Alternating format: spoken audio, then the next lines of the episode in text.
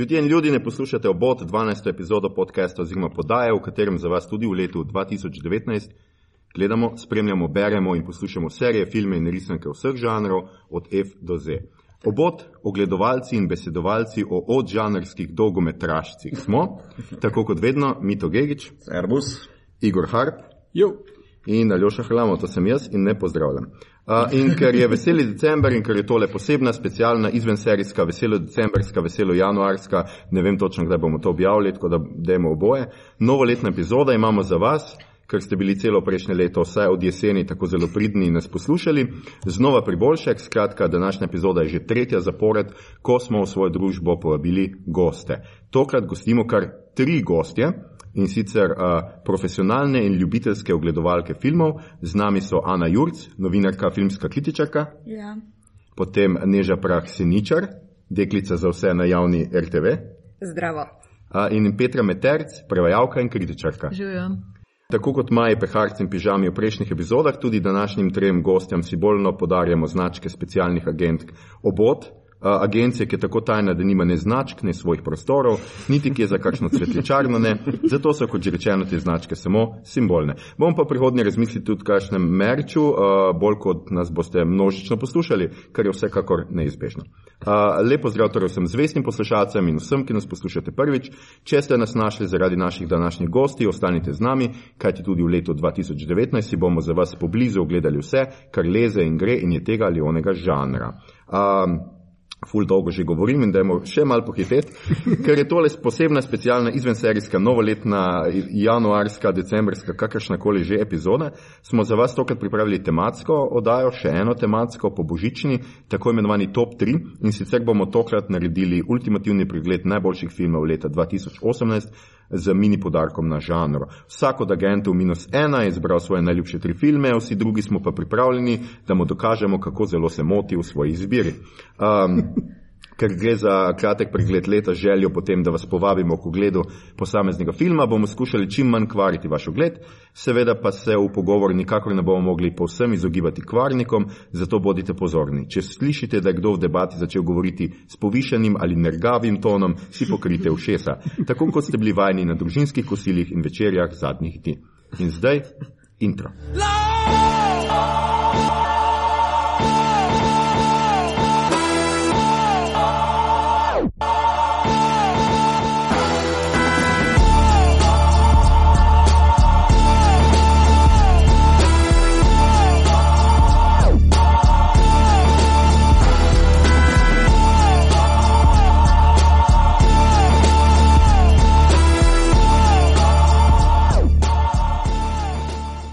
Skratka, uh, oddaja, oddaja, epizoda tokrat je posvečena filmom uh, letošnjega oziroma lanskega leta, odvisno kdaj bomo to lansirali, odvisno kdaj vi poslušate.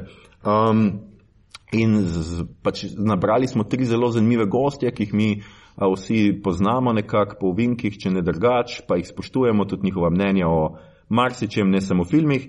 In uh, danes smo jih pač povabili, da se mal prepiramo in da mal. Uh, obnovimo to zelo zanimivo leto, ker jaz mislim, da moram reči, da po tej um, nabirki, ki jo imamo, zgleda vseeno, da ni bilo tako slabo uh, leto za filme.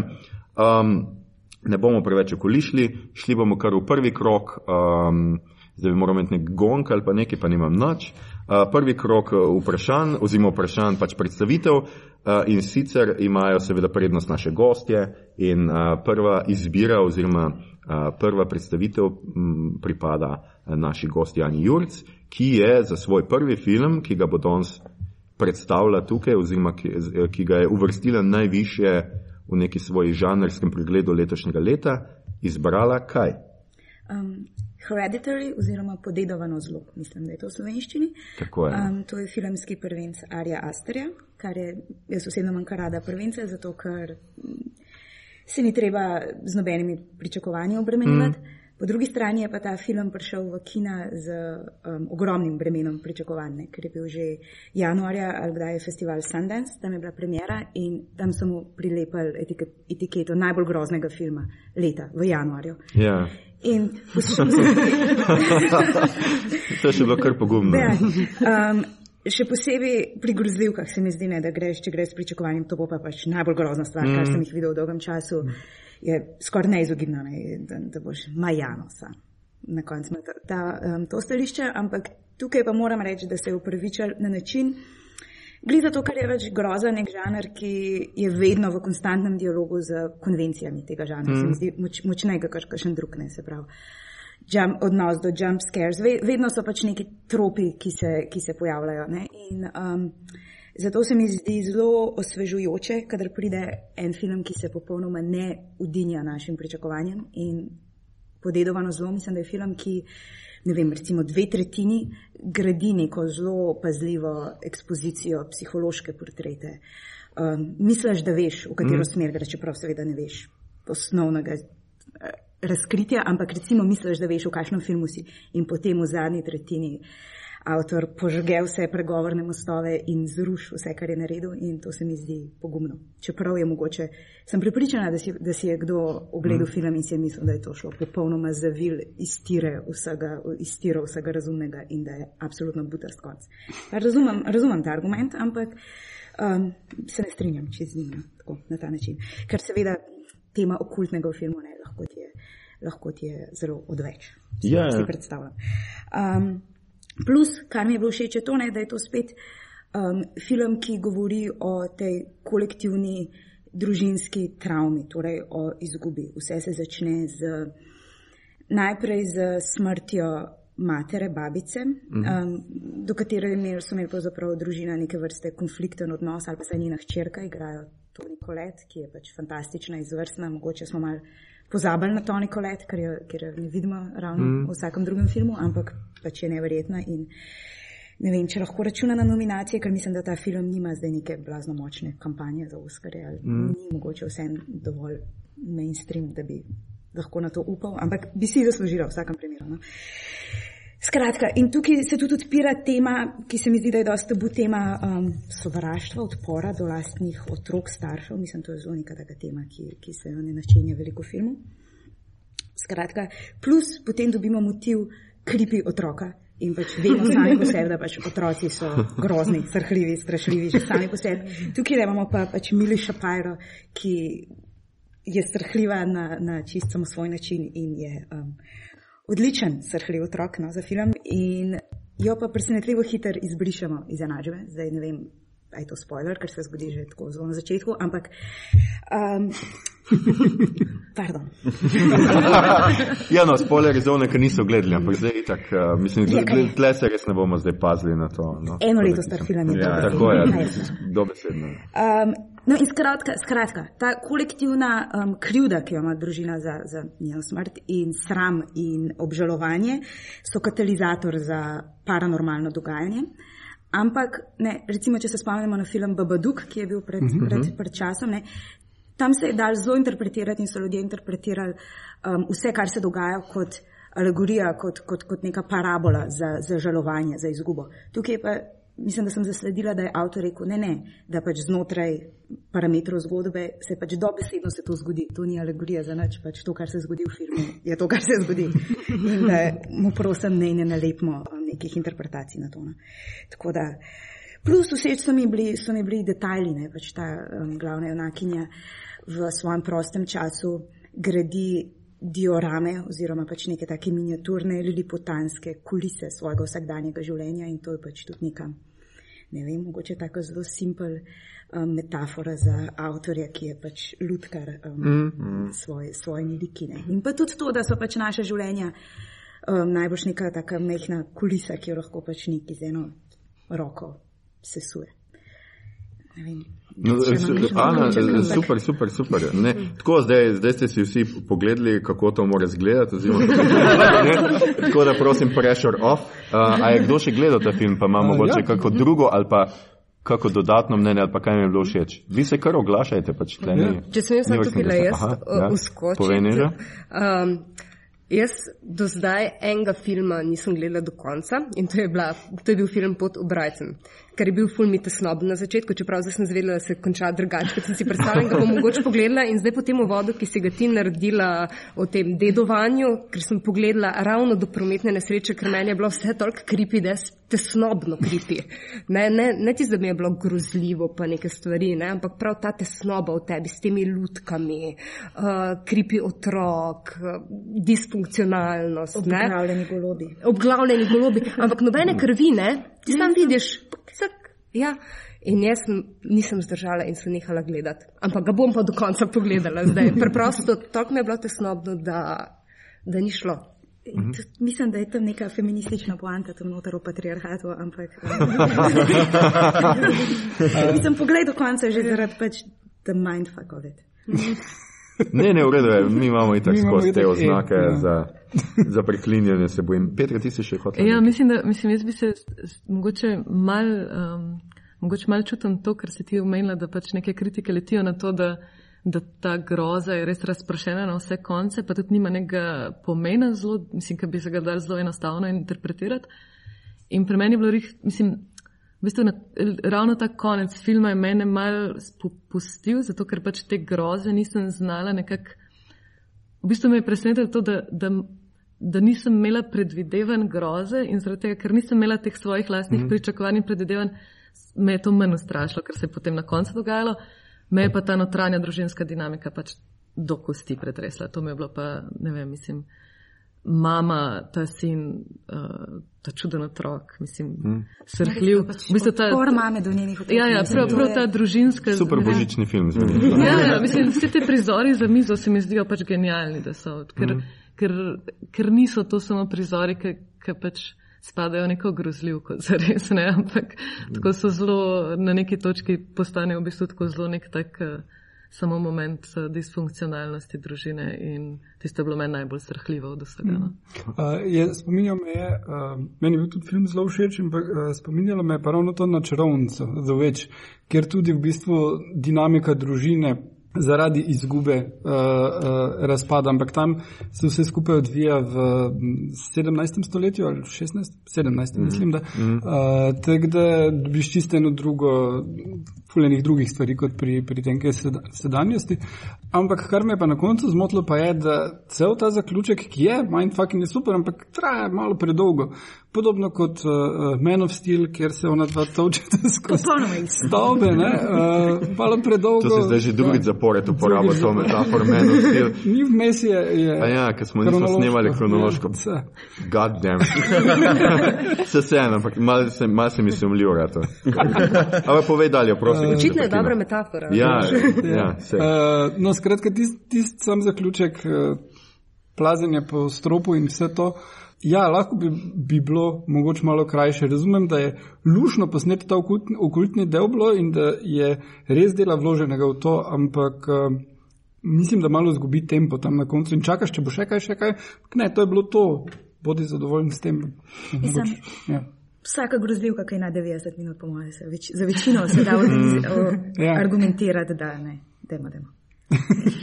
Je pa mogoče še ena mogoče stvar, ki je bila meni zelo, zelo uh, grozljiva v filmu, ta, ta zvok, ki ga dela um, hčerka. Ta. Ja, ne, ja, ja, to je nikoli pojasnjeno, to je ampak, pač njena lastnost. In, in... Ampak to postane res tako zelo močan, uh, ta nek. Uh... Ja, pač ta otrok je zlikovec filma, ne da bi bila zlikovec filma. Ja.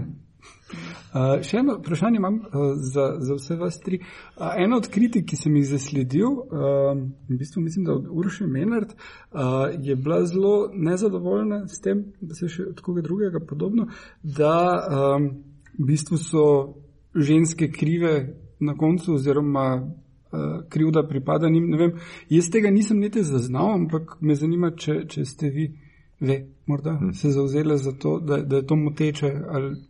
Jaz sem prehiter nehala gledati.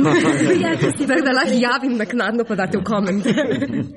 um, jaz mislim, da je, mislim, meni ni zmotil, kar pa jaz mislim, da imam kar ping, ta runner, da mi stvari zmotijo na ta način. Um, ampak jaz mislim, da je imel neko poanto o tem, kako razumeš se to um, izročilo. Um, na, na vsak način hoče položiti v moškega naslednika in. Ja. kako je potem to um, subvertirano in, in, in vodi v popoln, razumeš, še večji. Tako da pač jaz mislim, da, jaz mislim, da mogoče je te teme noter ustavo, ampak ne na način zelo eksplicitne. Ne vem. Ampak ne, meni se ni zdel sovražen film, do, do, ni, nisem izdelal šovinističen film. no. Ne, meni tudi ne. V bistvu, um, v bistvu se mi je zdelo, da mislim, lahko bi se ga tako interpretiral, verjamem na nek način, mm -hmm. pač, ampak mm -hmm. v bistvu iz čist druge perspektive, s katere sem jaz to gledala, ker pač neka ta vloga preobremenjene mame je bila meni genialna. Meni je bilo to mm -hmm. zelo pomensko in tudi ona, ko je na tej uh, group therapy session, ko ona začne razlagati, da pač uh, ona ni kriva, ampak kriv, da je vse na njej. In, in to, da je to vse njena mama, ki je prej umrla in ki je neko to zelo tudi nekako, oziroma neko čudaškost na začetku privedlo družino, ona čuti pač neko odgovornost zaradi tega. In, mm, Čuti krivdo, ker pač ni imela rada svoje mame, ki je, ki Tudi, je ja. v bistvu v resnici mislim, da je dobrega odnosa. ampak jaz tega nisem dela kot. Uh, Ne, ne, pač Ne. sej- V bistvu zelo razdelan karakter mi je v končni fazi. Ja, no, ampak uh, mama, ki je pravzaprav res ne vidimo, je evil, straight out. Uh, dekletce, ki je vilen, ki ni, ki se tega ne zaveda. Pa Dobro, lahko imamo negativne ženske v filmih, pa to ne pomeni. Ja, da- dej se. Hvala Bogu. Ja. To je vse odvisno od pač, kako karakterje zgledimo, ne, se, tako, kako se poistovetimo. Dobro, šibamo dalje. Naslednja je um, Neža in sicer Neža si je izbrala za svoj prvi film Manbiki Kazoku. Uh, uh, na mednarodnem prostoru se to vrti kot shoplifters, uh, pri nas pa so to tatiči, ki, ki so še pravkar v kinu. Tako da, uh, no, zdaj ne vem. Uh, če- Ja.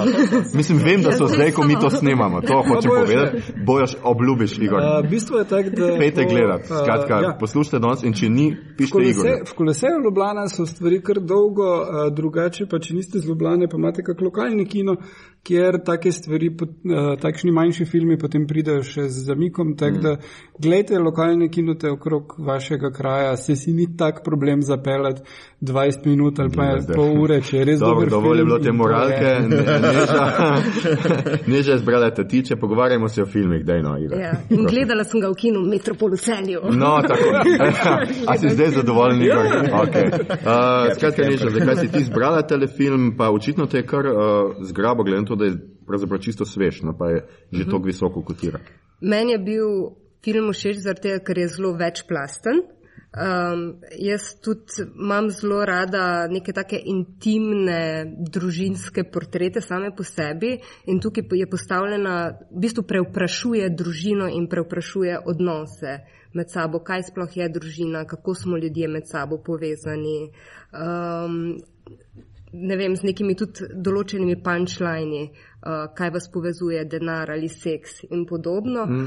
Ampak vse gre, se mi zdi, da bolj, ko ga gledaš, uh, in če bi ga še enkrat, bi ga še verjetno še drugače videla, ali pa tudi ne, no, uh, se mi zdi, da že vsak karakter pose, posebej ima neko svojo zgodbo, ki jo preprašuje en odnos naprej. Uh, a ja, sam da še to povem, no, med sabo živijo ljudje, ki niso nujno v sorodstveni povezavi, živijo pa kot družina uh, nižjega sloja. Uh -huh. uh, ukvarjajo se, kot sam naslov pove, uh, z shopliftingom oziroma s krajo po trgovinah um, in potem že na začetku se sprašuje o odnosu, ko otrok reče, da ne more tistemu, ki ga mi dojemamo za očeta, da mu ne more reči oče. Mm. Ne? In se skozi mal sprašuješ, kakšni so odnosi in se pač to čez film razpleta. In se mi zdi pač en tak um, lep, lep prikaz tega, koga si izberemo za svojo družino, kako živimo kot družina in kaj sploh nas povezuje, kar sem pa še vse povedala. Skratka, še en božični lepo film. posnetje, zelo lepo posnetje. Japonski Mislim, film je, če ganljiv, mogoče ja. nisem, Ja, kdo ni razumel. Hirokazu Koreda. Tako. Ja. A. Je še kdo gledal ta film, še bo, še bo kaj? Ne, ne, jaz še ga imam na spisku, moram ujeti. Jaz sem ga videla, pa ja, mislim, moram reči, da se strinjam s tabo, da čeprav, mislim, za nas je nov, ne, sej, sej mm. je, bil, je bil v Kanu. Je, mm -hmm. Mislim, da je bil to- Majska. Tako, Ja. ja. Seveda. Um, ja, je to, mislim, da je to hands down, za, vsaj za me, no, pač res en od dveh, recimo, enakovredno najboljših filmov leta, tako da mislim, da ne spada ni nov žanr, ampak tudi všeč mi je to, da, da mislim, da smo bili zelo na meji tega, ali pa spet se mogoče o svojih pričakovanjih govorim, ker je to film o revščini, no pač relativni mm. revščini, pač v družbenem dnu in obenem film o družini in se potem bojiš, da gre to v smer, da nam bodo sporočili kot nek globok uvid, da sreča v življenju niso materialne dobrine, mm. ampak to, da imaš ti družino in imaš nekoga rad. Ampak ni tako simpel film. No? Pač, um, um, no, jaz sem imel uh, drugačne strahove. Jaz, jaz se strinjam, da je to meni je to en najboljših filmov desetletja. Uh, mislim, najbrž No, najboljši Najboljši film. film. Si dobro zbrala. Ja. Če Igor potrdi, pa Potem sem ga v vikendu brala, pa, pa sem si malo rekla, oh, ja. Sem si že predtem izbrala. Uh, ja, se tako. Če bi kasneje bi bilo. Um, ja, um, kar je mene skrbelo, je, da bo to šlo v smer družinice ali pa Ja. česa takega, ne? Joj, slovenskih filmov. Torej. In, eh, i- ampak dejansko namesto tega, da ja, spremljamo jih, kako gredo navzdol, kako se stvari z, z odnosi skrušijo, ne? ampak ne v popoln razkroj in propad in inferno. O moj bog. Mislim, ni patetike. Ne, niti malo. To je. Krasen film je in uh, uh, kot sem napisal, mislim, da si boljši človek, če ga vidiš. Tako da. ja, tako da bi trije, ne? To, to je še kar stekno. Jaz, jaz nikoli nisem veljal za dobrega človeka. Sem čisto zadovoljen tle, ker sem. Mislim, da Beyond moč- Redemption. Ja, mislim, da tudi zdaj ne bom šel gledat za nalaž. bom gledal druge stvari. Plus, ne, ko smo pri otrocih srhljivih, to je pa proti vtež, mislim, ta punčka sedemletna ali petletna v, v, v tem filmu, mislim, moje mrzlo, majhno posušeno srce. Jaz sem bila čisto naprej ob, ob otroku na filmu. Ja. Ne, pa tudi otroci v bistvu imajo tukaj zelo ključno vlogo, ne? kdo naredi nek preobrat, ne? sproži nek trigger, da, se, da ne bomo zdaj vsega izdali, da se družina še bolj preobrne na dno, mm. ne? pa vendarle ostaja neka povezanost. Mislim, Sploh ne znamo besediti. No? Zdi se mi res, da, da so tako kompleksno predstavljeni ti odnosi in na en tak lep način, da te kar potegne vase no? in te gane. Zdaj ali joša tule z glavo. Ne, pa, absolutno, absolutno se strinjam s tabo, ne, že verjamem, da te je ganilo. tako da. Um, Šibamo dalje, mislim, v redu, zdaj si kar v redu smo na poti, tako da bomo mogoče bomo celo vsi vse filme tri predstavili. A, Naslednja je na vrsti eh, naša gostja Petra. Uh, Petra, malo sem ti tudi jaz Black Panthera pripisal, ker vem, ker si pisala o njem, pa ker smo uh, se malo osredotočali na žanrske filme, čeprav um, si pol tudi sama zbrala, praviš, te precej uh, žanrsko mešane, tako nekako. Ampak uh, skratka, prva izbira oziroma prva stvar, o kateri boš govorila, je Black Panther, k, o katerem ti veš mogoče malo več povedati, kot marsikdo drug. A Ja. se to samo meni zdi tako? Mm, To se mogoče, mislim, to se verjetno tebi zdi, zato ker sem pisala članek o tem. Ja. ja, no, jaz sem ga prebral in teh stvari pač nisem imel toliko eh, kontekstualiziranih. Pač, eh, Ja, vse to, ampak mogoče za uvod bi jaz rada povedala, da sem ta film gledala tako močno izven konteksta Marvela, ker mm. sem fan Marvela sicer in ne spremljam uh, te franšize Ja, in to, vsega, to je kar še se kar uh, greh za to v tem Ja, ja. podkastu povedati. Ampak ne to je ti neko bo. tako no. priznanje. Ja. Ja, ja. A, Jaz sem ga šla gledati predvsem zaradi teh nekih uh, mogoče kulturno, mm. družbeno in celo na neki točki političnih uh, implikacij, ki so se na njega nalepile že preden je film prišel ven. In, in neke emancipatornosti, ki jo je pač tudi uh, se je vnaprej predvidevala in se je do neke mere izpolnila. In sem potem film gledala pač s tem v mislih. Mm. Pač jaz sem veliko tudi brala teh nekih um, sci-fi zadev in nekih uh, stvari, ki se dotikajo afrofuturizma na tak ali pa drugačen način. Me je tudi zanimalo, pač, kako um, pravzaprav ta film gre v to smer, ne? ker se je napovedoval kot nek afrofuturizem, mm. torej pač neka, neka preteklost, ki je drugačna, ali pa prihodnost, ki je um, emancipatorna, preteklost, ki je alternativna in oni so pač šli v to preteklost oziroma pač v neko kraljestvo, vakando v Afriki, ki ni bila kolonizirana.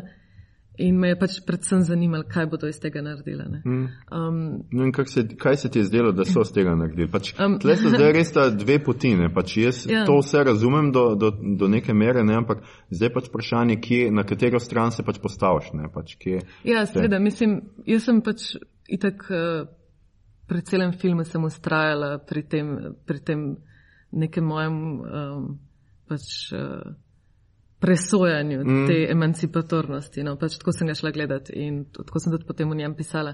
In kar se tiče neke te reprezentacije, ki je ta film želel, dos želel doseči in jo tudi je, mm. se mi zdi, da je pač uh, izjemen, da so se zelo potrudili tudi s tem nekim spajanjem različnih kultur, jezika, um, vseh v bistvu nekih eh, tudi stvari, ki se zgodijo, tudi ta, to prisvajanje nazaj nekih artefaktov, mm -hmm. uh, ukradenih, potem ta moment pač eh, afroameriške skupnosti, ki je v bistvu um, nekje drugje, na drugi strani oceana in pač to Ja. pri afrofuturizmu vedno predpostavlja neke te dislocirane vesolce oziroma mm. ali pa od vesolcev ugrabljene, če temu tako rečemo, ne, kot pač mm -hmm. so bili sužni na nek način. Um, in, ampak na koncu mogoče me je film razočaral v tem, da um, v tem, ker pač bi žanrsko seveda mogla pričakovati, ampak v tem, da se recimo mal preveč zapre v to, um, v ta nek uh, trenutek odprtja svetu in, in, in nekak popolnega izničenja te druge strani, mm. torej te neke afroameriške situacije. Um, ja, ki je pač, mogoče bolj nasilna oziroma ja, ja. bolj revolucionarna. Bo, ja, ampak po drugi strani ne gre vedno, mislim, gre za nek ta moment, da, da, da ta Erik Kilmonger, ki pride mm. zahtevati svojo vlado, on je z Oaklanda, um, ki pa pač prikazan oziroma pač tudi je na nek način pač v tem filmu kot nek postapokaliptičen mm. svet. Ne? Ja, absolutno. Um, in potem ta distinkcija med tem, kaj je pač v bistvu nek, nek utopičen svet in nek postapokaliptičen svet in v kakšnem dialogu sta one dva v filmu, to me je mogoče na neki točki razočaralo, ampak sicer pa mi je bilo res blazen užitek to gledati. Mm. In, um, potem tudi spremljati vse odzive, pa navezave, pa um, mislim, sto stvari, ki jih pač kot referenc uh, pač Ja. yeah. nisem sama dojela, ampak sem jih potem malo googlala. pa tako. Vse pač zauzema neko tako humanistično perspektivo na koncu. Ne? Ampak Precej. meni se je zdelo pač zanimivo tudi z tega političnega eh, vidika, da pač pol Vakanda skuša nekako drugače delovati kot Zahodna Evropa z begunci za trenutek. Ne? Pač je bil tudi ta moment, ne, da oni so zaprti, so neki, oni so neka trdnjava, tako kot Evropa pač ta trenutek trdnjava mm in pa da oni pač pokažejo pot da se odprejo. Ne. To se mi je zdelo pač vseeno, da, da ima nek svoj message in da, pač, da pove v tistem političnem trenutku nekaj. Je pa vprašanje, koliko je to na dolgi rok pač posebej je zapakirano tudi, v spektakel. ne. Meni se je zdel ta poudarek na meje zelo, zelo lep. No. Mislim, tudi zelo močan se mi zdi v filmu. Uh, ja, tu je meni dejansko žal, da tega ne morejo dalje peljati, zato ker naslednji film, uh, ki se znotraj univerz, univerzuma zgodi, je, je v bistvu skoraj da uniči Vakando. Ne? Uh, trenutno je tudi Black Panther mrtev. Ja, tako da. Pol tudi to sledi. Ne, mislim, da se malo, malo uh, težko peljejo naprej. Kar je mene edino zmotilo pri filmu in, in film mi je bilo všeč, kako je to dizajnirano vse skupaj. Ne? Ampak, če so že pač celo podobo sveta delali, bi lahko tudi morda malo vse prilagodili politično ureditev, ki je pa streta od plemenska in, in kralj, ki je ki bloodline in ne Ja, to, Zakaj pa kar bi? Zakaj pa- zakaj pa bi? Lahko bi, če so že toliko razsvetljeni, bila vakanci. demokrati, bi lahko pogreša demokracijo. Ja, Ja. republiko vsaj. No. Da, recimo nacionalna država je, je, je, v, je v, v, recimo, če jo gledaš v kontekstu afriških držav, je tudi zna biti zelo sporna zadeva. ne. Um, oziroma, ja, država, ki se pač na neke nacije naslanja. Tako da mogoče so se zaradi tega tudi izognili, če le temu, bi jaz rekla. No. Mislim pa tudi lažje za zgodbo, je, če imaš v bistvu To protagonista, antagonist, ki se Ja. borite za prestol, ki je pomemben potem tudi za odpiranje, ker kar, kaj naredi Killmonger, ne? on dejansko prisili um, Black Pantherja, ne? da se mora odločiti za neko določeno odprtost, ne? ker drugače on do tistega trenutka nima nobenega, uh, nobene želje odpirati Wakanda na vzven, ne? ampak še Ja, ja, ko ja. vidi tale boj svojega brata, ne? ali pol brata, kako. Uh, Ne, ča, eh, Britrance. Bratranca, pardon, ja. Ja. Uh, šele takrat mu klikne. ja, No. Ja, mislim, jaz imam ful bolj plehko um, pripombo v primerjavi s Petrino, pač um, lucidno uh, analizo. Ne, več, go, govora je na, na, na globalni ravni o reprezentaciji in vsi načelno vemo, da je to dobro, mm. ampak potem pa, ko vidiš take filme, mogoče šele ozavestiš, kako so bili vsi filmi do zdaj na nek način enaki. Tako kot sem recimo gledala. Ja, seveda. Pa tudi recimo, ko sem gledala Wonder Woman, ki na noben način seveda ni idealen film, ampak pač jaz imam še zdaj pred očmi tisto eno od uvodnih sekvenc, ko so te ženske same na otoku in imajo in, in, in vadijo, imajo neke bojne vaje. In mm. pač vidiš, ta, samo ta mehen preobrat, da so pač same ženske in kako je to drugače od popolnoma kliše vsakega superhero filma, ki, ki yeah. smo ga videli, pač ta sekvenca boja, priprav se to ima, ne samo superhero film. Yeah. Uh, mnogi, mnogi filmi. In tukaj to ne, pač mi se meni je bila ta. Očitno um, zelo temeljit kostumografski pristop k, k njihovim posameznim mm. tribalnim opravam, k, vsi ti detajli, ki so služili k reprezentaciji Afrike, ne, kot uh, kontinenta z veliko različnosti, ne, ne kot samo ena stvar, črna celina. Mm -hmm. um, mi je bilo, mislim, to mi je bilo fascinantno gledati in všeč in, in bolj se veselim nadaljevanja Črnega pantera kot česa drugega. Mm -hmm. Ja, mislim, si to bi jaz tudi dodala, da pač to, da so se oni res potrudili in ustvarjali to znotraj tega kraljestva, to res diverziteto. Mm -hmm. um, to, to se mi zdi, da je velik faktor, zakaj je bil ta film tako uspešen in zakaj mhm. je res čudovit na ta način. Ja. Pa tudi pri reprezentaciji niso šli sem pač na ras, ampak tudi na spolne. To je tle, treba lepo ja. povdariti, ker imamo pač močne bojevnice, imamo najpametnejšo žensko, mhm. oziroma najpametnejšo znanstvenika, ki je ženska. In, in tudi glede tega so pač naredili en podarek in preskok. In pač naredili ene zelo zanimive like pri, pri vsem tem. Ne? Tako da jaz pač, um, tako kot večina um, ljudi se pač najbolj me zanima, kaj se je Šuri zgodil no, v Avengerjih. No. Me marsikdo drug ne briga tako, kot me briga Šuri, recimo, ki mi je bila ena naj, najljubših likov. V, v, Mislim, da pač bo ona celo svoj strip zdaj dobila, če ga ženi. No? Aha. Ja. Um, ja. no, cool. In predvsem je pri teh uh, reprezentacij meni zmer tako zabavno. No, Pač meni se to ne zdi nič posebnega, da si tako rečeš, pač ne, se pač ni to noč. Ampak polka vidiš reakcijo ljudi, mm. si pa ne, ne nadamo zaveš v retrospektivi, oh, fuck, pa očitno ja, točno ja. to res rabimo in točno to moramo podarjati. Ne? Ker pač jaz sem bolj na strani neke normalizacije enih stvari in se mi zdi, da pač furajmo to brez da podarjamo nekaj ampak pač zgleda, da je to fucking treba. Oh, zdaj pa jaz. Ja. Zgleda, da je to pač res treba. Nekaj se res, vsi ti odzivi, mislim, tako pa nek backlash in jaz ne bom tega gledal, ker me tle neki prepričujejo politično, politične stvari. To je pa res tako brez veze. No, mislim, mislim, ne, ne brez veze, ampak ja.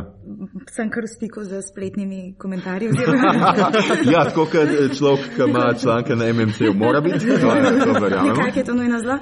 In, in pač, ne, čist, una, mislim, od moč odpora do tega filma mi je bila, pač, mi je bila osupljiva. In, in potem, ko so ljudje pr, v zgodovini, mislim, ne, pri pr pravličnih likih, pa tukaj se mm -hmm. zdaj pa spotikati ob to, da, pa, da je pa nekdo temnopolt in, in da to je pa popolnoma kaj izgubi verjetnost. Mm mislim, Tukaj je, ni druge besede, no, kot je pač rekel. Ta toksični fandom je šel čisto vrbortno. Mm. Ja, ja. Mislim, še, še. Je pa res, da je mogoče, mislim, ne da zagovarjam sploh te komentatorje, um, ampak je pa res, da ta film je res tako politično se res zarezal tudi v, mm. v neke mogoče, tudi o njem je pisal, pisal da baši, ki je pač uh, tako, se ne sprav pisati v vsakem žanrskem filmu, ampak um, tako res je bilo ogromno člankov, ki so čist pač tako do potankosti želeli to političnost nekako zanalizirati.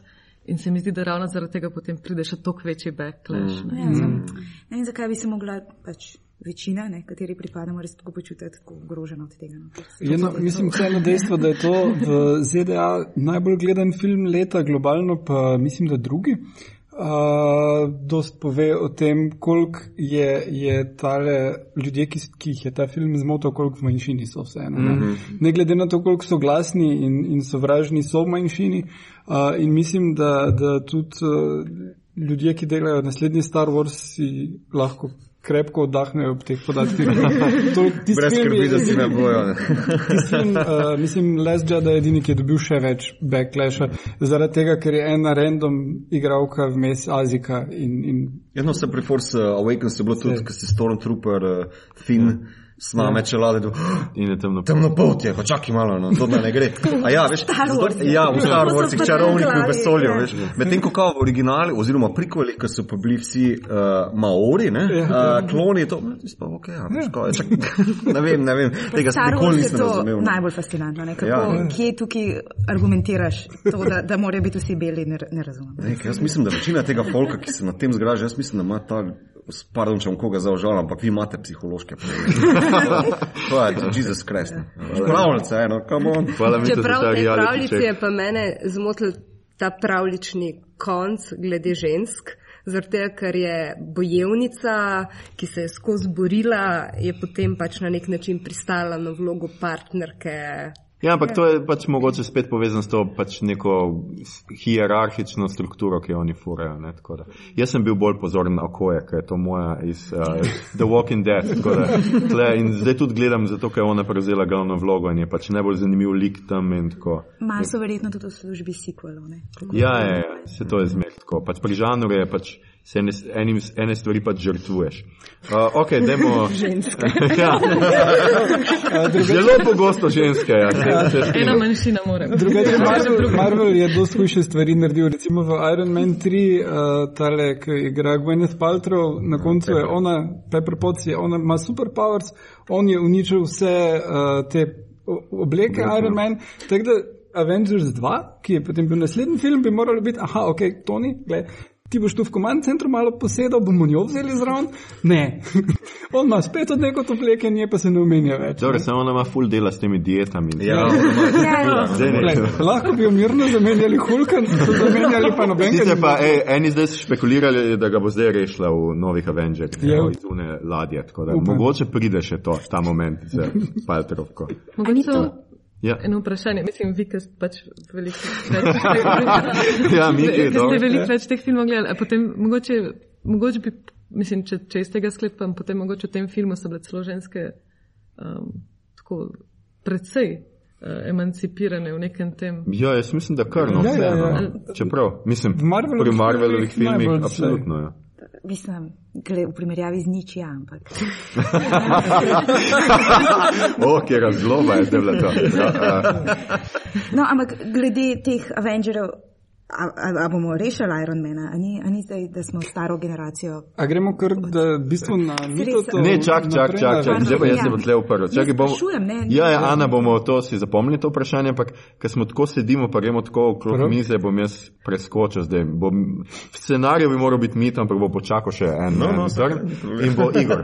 Ker uh, zdaj sem ugotovil, da pač tako fajn greste v, ne vem, je to urin kazalca, ne, ampak uh, pač in tako in bom se jaz držal tega, ker mi je laže pol voditi, tako da sem že Ja. scenarij popravil vmes in je tle Igor Hart z Suspirio. Ok. Uh, ok.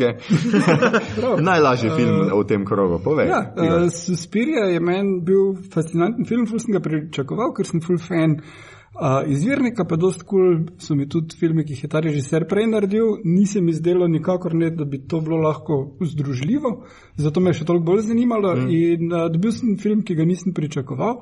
Uh, ja, Ja, absolutno ne. Uh, zelo je političen, uh, zelo je arti in meni je tu našel eno mejo, kjer ni prepotenten ali pa neumen, ampak uh, je v meni zbudil nekaj, kar me je zanimalo, da sem zelo s pričakovanjem gledal do konca, stvari, ki so se poklopijo not uh, na enem uh, psihoanalitskem nivoju, je zelo lušno ga analizirati, uh, so se mi zdele glih prav dostopne in glih prav ne preveč in your face. Ne? Zdaj, mm. uh, dost primerjav bi lahko dal z filmom Mati, ki se mi je zdel bupen uh, in je bil glih na oni meji tega, ne? da probaš narediti nekaj, nekaj, veličast, nekaj veličastnega, recimo nekaj velikega povedati skozi metafore, pa ti ne uspe, ne? ker mm. niso v redu. Tukaj pa. Uh, Igor mojster ja. za metafore. Uh, tukaj pa so nekateri, mislim, nekateri so imeli podobno mnenje o Suspiriji, jaz osebno ne. Je pa še ena stvar zanimiva glede Suspirije v letošnjem letu, da je to eden od, mislim, da petih filmov, ki se ukvarjajo z plesom na eni taki malo drugačen način. Uh, in jaz načeloma ne maram filmov o plesu, ampak to me je zelo navdušilo. Kaj pa Dirty. Dancing? Dirty Dancing je pa en mojih najljubših filmov, ampak ne bomo danes. Ja, pa Footloose. Footloose je grozno. Šlejca. Ja. Footloose Kevin ja. fucking Bacon, daj Ja, no. vem, Igor. ampak film. Medtem ko Dirty Dancing je pa. Ja, no, pol pa ne govori, da ne maraš filmov. Ne, sej pravim, Dirty Dancing. Ampak, je skratka, zanima me pa, kaj si, mislim, kaj je ta uh, krovna metafora te pomenila. No, mm Aha, torej. To me pa eh, zanima, ja. Ja, zgodba se odvija v Nemčiji leta 77, kar je bilo dosti kul leto, takrat so vojna zvez drugače ven prišla, ampak v, Absolutno tega v filmu ne vidimo, ampak Uh, v Berlinu uh, je pa bilo to glih obdobje terorističnih napadov, uh, Bader-Meinhof grup in uh, frakcije Rdeče armade, ki je pač v en že tako kaotičen uh, svet zaradi še vedno posledic druge svetovne vojne in uh, berlinskega zidu in hladne vojne in vsega vneslo totalen kaos. In znotraj tega kaosa srečamo uh, mlado plesalko, ki je ne iz Amiške družine, ampak nekaj podobnega, Ja, prišla iz Ohaja in se želi pridružiti um, tej elitni Mhm. plesni, plesnem ansamblu. igra Da- Dakota Johnson, Ja, kar že igrajo Dakota Johnson. Neki, mislim, ponovi skoraj da vlogo iz Fifty Shades of Grey. ne. Niti malo. Ne, jaz nisem gledal, tako da ugibam. Skratka, potem pridemo do tega, da, so te, da je ta plesna ansambl v bistvu leglo čarovnic, hkrati pa spremljamo še enega psihiatra oziroma psiho, psihoterapeuta, Psihoterapeuta, psihoterapeuta ja. uh, ki ga igra um, tudi Tilda, uh, tek da ima ona trojno vlogo. In potem pač na koncu pride do tega klimaksa skozi predstavo, ki se imenuje Folk, do pač pripleta vseh teh metafor skozi prepletene plesne koreografije. Uh, in znotraj filma se mi je zdelo, da to lepo učinkuje. Zdaj pa ne vem, lahko bi govoril še eno uro, ampak dajte še vi povedati, kaj. Meni se pa zdi, da je zlorabo tale kontekst, k, uh, zgodovinsko-politični kontekst, ker eh, je zgolj za kuliso. In na, na, pardon, vse razumem, da je to mm. mogoče nekomu pomembno, ampak za zgodbo nima to popolnoma ničesar. Še Tudi tisti psihoterapeut, ki se na koncu skaže, da ta njegova krivda, da pač njegova žena uh, ni mogla priti do dokumentov, ne, da se v bistvu to nekako zapakira v tale. Ja. Ne, zgolj en lik, uh, ki drži tale. Na rečem, drugo svetovno vojno neposredno. Ja. Ja, in da ta zgodovinski kontekst nekako drži zavajati, ne? tudi ona uh, Patricija, ne? tisti lik, ki bi naj bila povezana z uh, terorističnimi Bader-Meinhof, skupinami. ja. Mm. Premalo mi je bilo za potem. uh, Za napihnjevanje tega konteksta, ker sicer nisem originala gledal, ampak Ja. ja. razumem, tam tega niti ni toliko. noter, Tam sploh ni tega Ja, not. uh, da v bistvu, če gledam, zdaj, ko mi pride do ene velike zmede in sem tudi čutil zmedo, ne, potem na koncu uh -huh. filma, ker sem jo, ko sem zdaj jaz gledal, ne, ker medtem ko on plesni čarovniški grozljivi del v uh, sami šoli, ne, to je bilo ful zanimivo, ampak se mi zdi, da nekako mi je pa potem bilo malo urupano. Meni se pa je glih to zdelo, da znotraj tega uh, čarovništva ne more obstajati izven konteksta, ki je v tem kraju in času, in obstajajo že toliko časa, da uh, je tako druga svetovna vojna kot uh, hladna vojna in vse ostalo pustilo na njih en pečat, ki je njim inherent. In one so hkrati zaradi tega pač preveč hermetično zaprte not in niso sposobne nje prepoznati, ko pride do njih. Torej, lika, ki je Dakota Johnson, ki je v bistvu, kot se na koncu izkaže, če filma še niste videli, uh, spojljamo.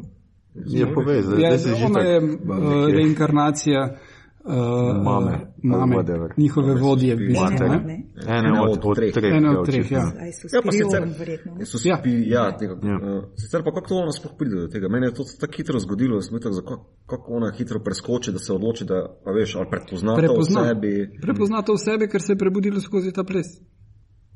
Ker je to obe. Okay, kupim, kupim. Ne, gledaj, se tle pač do velike mere strinjam z Mitotom. Meni tudi je bila pač ta vez z tem teroristi in drugo svetovno vojno. To je bilo tok, tok premalno. premalo pokazano, zakaj je to pomembno za sam kontekst tega plesa. Pač one nikjer niso nič omenjali s tem plesom, ta ples se ni navezoval na nič, na nobeno, ne ikonografsko, nekako drugače. Ja, okay, to, ja. Ja, okay, to, je, to je že zelo, ampak to je povezano prej z nacijo Nemčijo. Ne, z, a, mislim, ta druga svetovna vojna je bila meni samo v tem liku, ne, tega mm -hmm. psihiatra, drugače tega jaz nisem videl. In tudi premalo mi, mislim, premalo oni izpostavijo nek zgodovinski kontekst med tem, kar se trenutno dogaja temi teroristi in pač kar so neke posledice druge svetovne vojne. To se mi je zdelo, ne.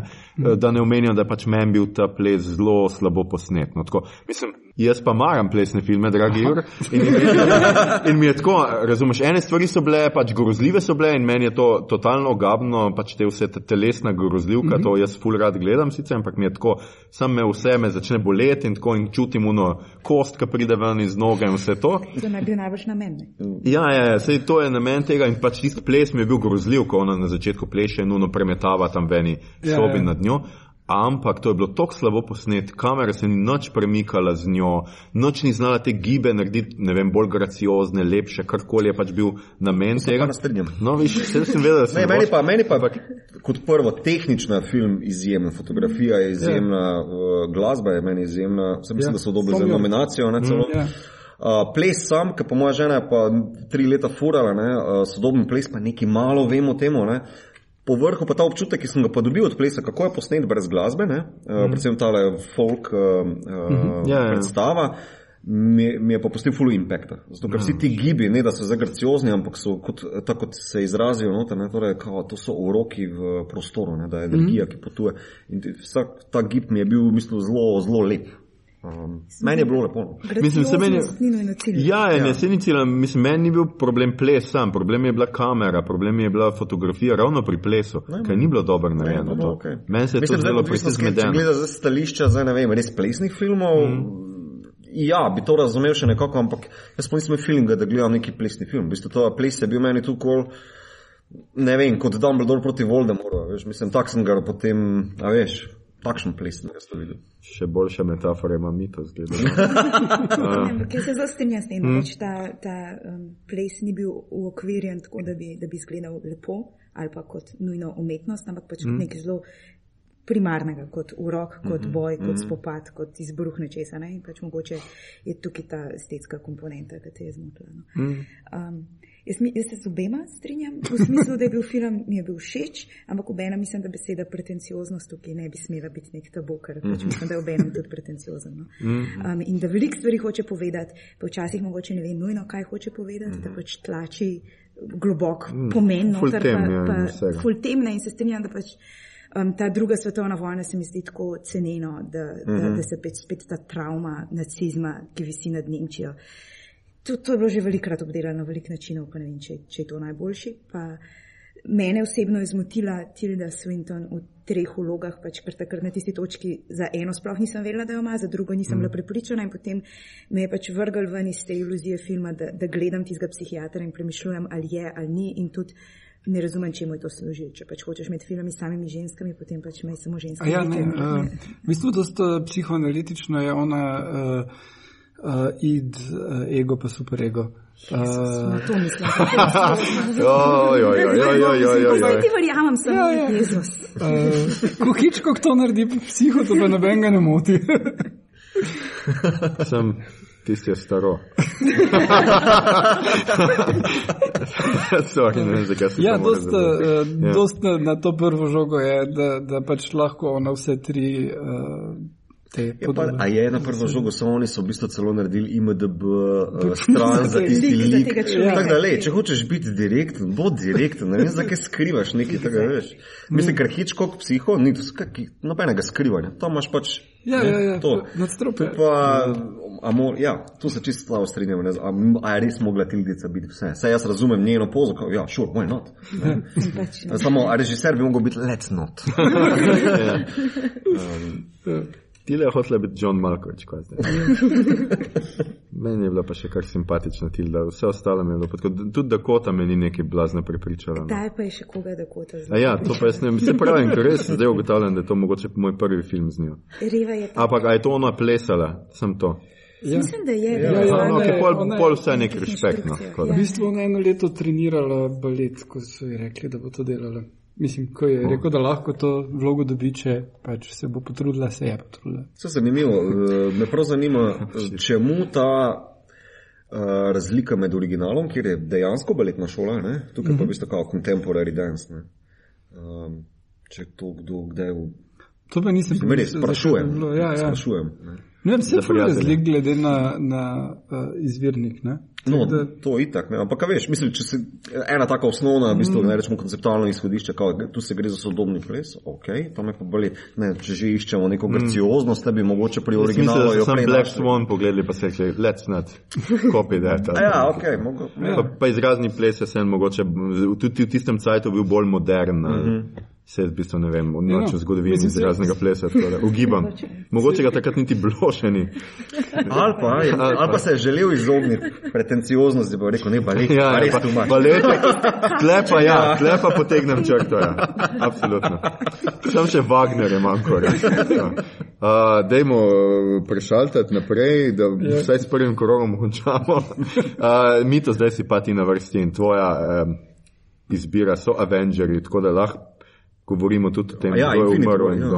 ja. Ja, ja. Zdaj moram se sestaviti. Si že pozabil, kaj si. Ja. Skratka, mi to Avengers Infin- Infinity War. Ja, zdaj, če se čisto ozremo na žanrski film, je to res top žanrski film 2018. Sama kulminacija je v bistvu 20 epizod, uh, ne vem koliko likov, ne vem koliko piscev, režiserjev, igralcev. Um, tako da se ga da gledati in pohvaliti z tega stališča, po drugi strani pa, to smo se pogovarjali že zadnjič, uh, sam po sebi je v bistvu zelo, zelo soliden superhero movie. Uh, da zraven tega ansambla, ki se ga uh, spostavil že vprej, prepelaš čisto uh, nov, novega bedga, ki je sam po sebi super, pa zanimiv. Um, ima zelo dobro izdelano motivacijo, pa plastiko. Uh, še ima potem, sicer že zdaj po 20 filmih, rahlo klišejski rusovski prijem, da moramo pač enega od teh naših likov malo zajebati in tukaj je pač Thor bil tista žrtev, ki sta ga Ruso tam mogla pritisniti malo, da je postal bolj ta neki tragičen lik, uh, ki je na začetku filma zgubi, torej iz prejšnjega filma zgubi polovi, eh, svoje kraljestvo, pol zgubi polovico prebivalstva, uh, na koncu filma pa še polovico, polovico tistega prebivalstva. Pa še Um, oko. Pa še oko. Pa še oko. O moj bog. brata zgubi, ja. najboljšega prijatelja zgubi. Um, v bistvu kar fakt up shit, no. če, eh, če gledaš tega. Dobro, brata nima takrat, tako Ja. še ni to, po mojem. Um, ne, mislim, da film, uh, to, kar so naredili Marvel, tam pa treba vse aplodirati v tem smislu, da so se res postavili kot novi Star Warsi za to generacijo. Noro dobro posneto. Veliki so v bistvu de definitivno boljše izdelani kot v uh, originalnih Star Warsi, ki so takrat v bistvu blockbuster zacementirali in Marvel je tukaj v bistvu res naredil novo. Nov pristop do tega, ne? od katerega se, tako sem zadnjič rekel, di se čist nič ne nauči, ne? ampak ok. Ja. Uh, tako da, ja, iz žanrskega stališča meni to top shit movie od 2018. Neke obnove hude pa ne bom mislil. Ne, se mislim, pol moraš 20 filmov obnoviti, Ja, nimamo. A je kdo ima kako drugo mnenje, oziroma ga bi tle kaj dodal? Mislim, jaz veliko ne bi dodala, ker se mi zdi, da sem v napačnem podkastu, da bi se vodila z vami v znanju, ker me boste pač povozili z tako fakti in ne bi. Ne, ampak ampak Ne, pa da, come on. Če imaš kako vprašanje ali pa. O, shit, to pa je bilo zdaj. Uh, maksimum pretencioznosti. No. Dej nekaj, no. O, moving on. Ja, jaz mislim, da na tej točki uh, bomo ti reči dali, da poveš na svoj naslednji film Ana Negosko. In to je eden mojih ljubših eh, filmov tega leta in to je Mandy. Mandy je um, žanrski film par excellence. Mhm. Pač to je. Gleda, to je- Besedo dneva lahko zdaj še enkrat ponovim v zvezi z mano. Ne, mislim, da imaš naslov, ne, žanrski film je porek. Klepaj pretencioznost. Ja. Redu. Um, skratka. Režiral ga je Panos Kozmatos, če to narobe naglašujem, ne mi zdaj kdo pove. Um, in to je sin Đorđa Kozmatosa, kar je zanimivo, ker je pač človek v 80-ih snimal take testosteronske filme, med njimi Rambo 2. In, in se mi zdi, da je to pač stopa v nekakšen da, oddaljen dialog, ampak na popolnoma pač tak preobražen način in mi je to zanimivo. Film je postavljen v 80. ne vem iz kakšnim razlogom, razen iz tem, da pač 80. zgledajo kul cool. in, in, in so pač nek tak Stranger Things na nekih steroidih nasilnih. In v glavni vlogi je tukaj moški, je Nicolas Cage in to ponavljamo v vsaki priliki in mogoče se bom spet ponovila, da pač ta film je res poslastica za vse, ki pač um, že leta izvajamo apologije Nikola Cagea.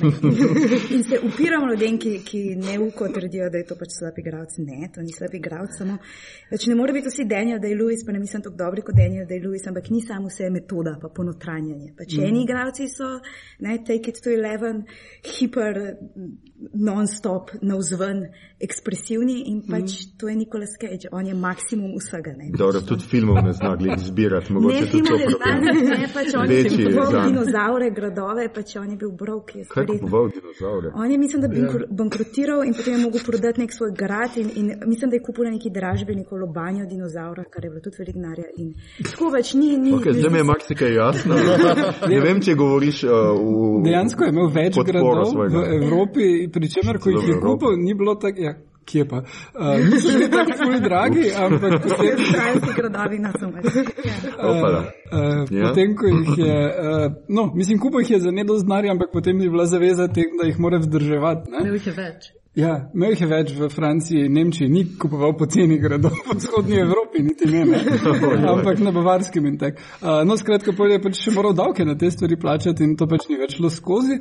Hkrati pa je v enem intervjuju razložil, da ima ta problem, da on ne more nehati igrati, da pol pade v depresijo in vzame vsako vlogo, skoraj ki jo dobi. Oh, cool. vem, to je dobro za slovenske filme. Da Bonnie down. Skratka, ja, pač ne more. Ja. Filmografije Nikola Cagea upravičevati v celoti, ne, mm. ja. ampak recimo zanč. Pred kratkim je po televiziji bil Face Off in to je pač genijalen film. Mm -hmm. ja, ima ja. sebe, potem pa igra njega, potem mm -hmm. je pa mhm. po blaznevi zaraz, mislim, to je genijalen film. ja, ja. Se strinjamo, ja. čisto. Skratka, ne, in, in Mandy je na nek način pač dosti konvencionalna epopeja o maščevanju, pač mm. you did my woman wrong in se boste vsi umrli, ampak je zelo cepljena na, na, na, na Davida Lynča, recimo na to neko občutek tesnobnosti in pač mogoče na Nikolasa Vindiga Refna, kar sicer v, v mojem jeziku ni kompliment, ker pač je ovaj. Um, ampak vendar se ta, ta red protagonist ne, se, se dvigne na neko raven enega mitološkega junaka, maščevalca. Ne. To je tudi en film, ki, ki zavije popolnoma v neko insanity in norost in, in iztirine v tem mm -hmm. končnem. In, um, recimo tudi ukvarja spet zaide v okultno in ta vodja nekega zloveščega kulta. Um, ima potem pribočnike, ki ne vemo, ali so pač metalska skupina, ali so samo na nekem LSD-ju groznem, ali so pač dejansko demonske prezence. In, in v tem filmu je dvoboj z motornimi žagami. Mislim, koliko dvobojev z motornimi žagami ste zadnji čas videli? na halu. Ja, veš kaj, mi smo eni smo tle, nismo z mesta. Špilek se jih uskvarja, to je vsak vikend. Dobro, nadaljuj se pri čem. To je nek kreš cepljen na nadrealizem in na mm. neko zelo mm. take lucidne sanje in, in jaz mislim, da je to pač vizualno stvar, če, če nimaš glih odpora do rdečih in ročnih ja, barv. To pa res. Ki jo moraš videti. Mm. Ja, pa mislim, da je pač tle bil casting ključen. Pač imamo en tak film, kdo je igral, pa valjda Nikola Sketch. No. To je ja. zdaj film za no. to. Res, in končno mu je nekdo dal en dober predlog po dolgem, samo, dolgem svetu. Samo tako bom rekel, vse drugače meni Nikola Sketch tudi vredo, ampak tudi glede na to, koliko filmov ti posname, ej, statistično mora on slikati vse enega na deset. No. no, to je tudi res. Ja. Um, hm. Še kdo hoče kaj o Mendi povedati? Ja, Mendi nisem gledal še. Aha, ja, eh, meni je tudi en boljših filmov, škoda, da ga nismo uspeli dobiti v kino. Uh, je pa tudi zanimiv za enega. Je bila ena projekcija na, na Lifu. Na Lifu ja. uh, je pa zanimiv za enega druga stališča. Film je v ZDA prišel ven v kino in na DVD oziroma VOD hkrati. Uh, potem pa je folk, ki je kupil uh, DVD oziroma VOD pisal kinotem lokalnim in zahteval, da dajo ta film na spored. Uh -huh. In je film bil ful dolgo na sporedu, glih zaradi tega lahko, ker uh, je folk zahteval ga videti na velikem platnu.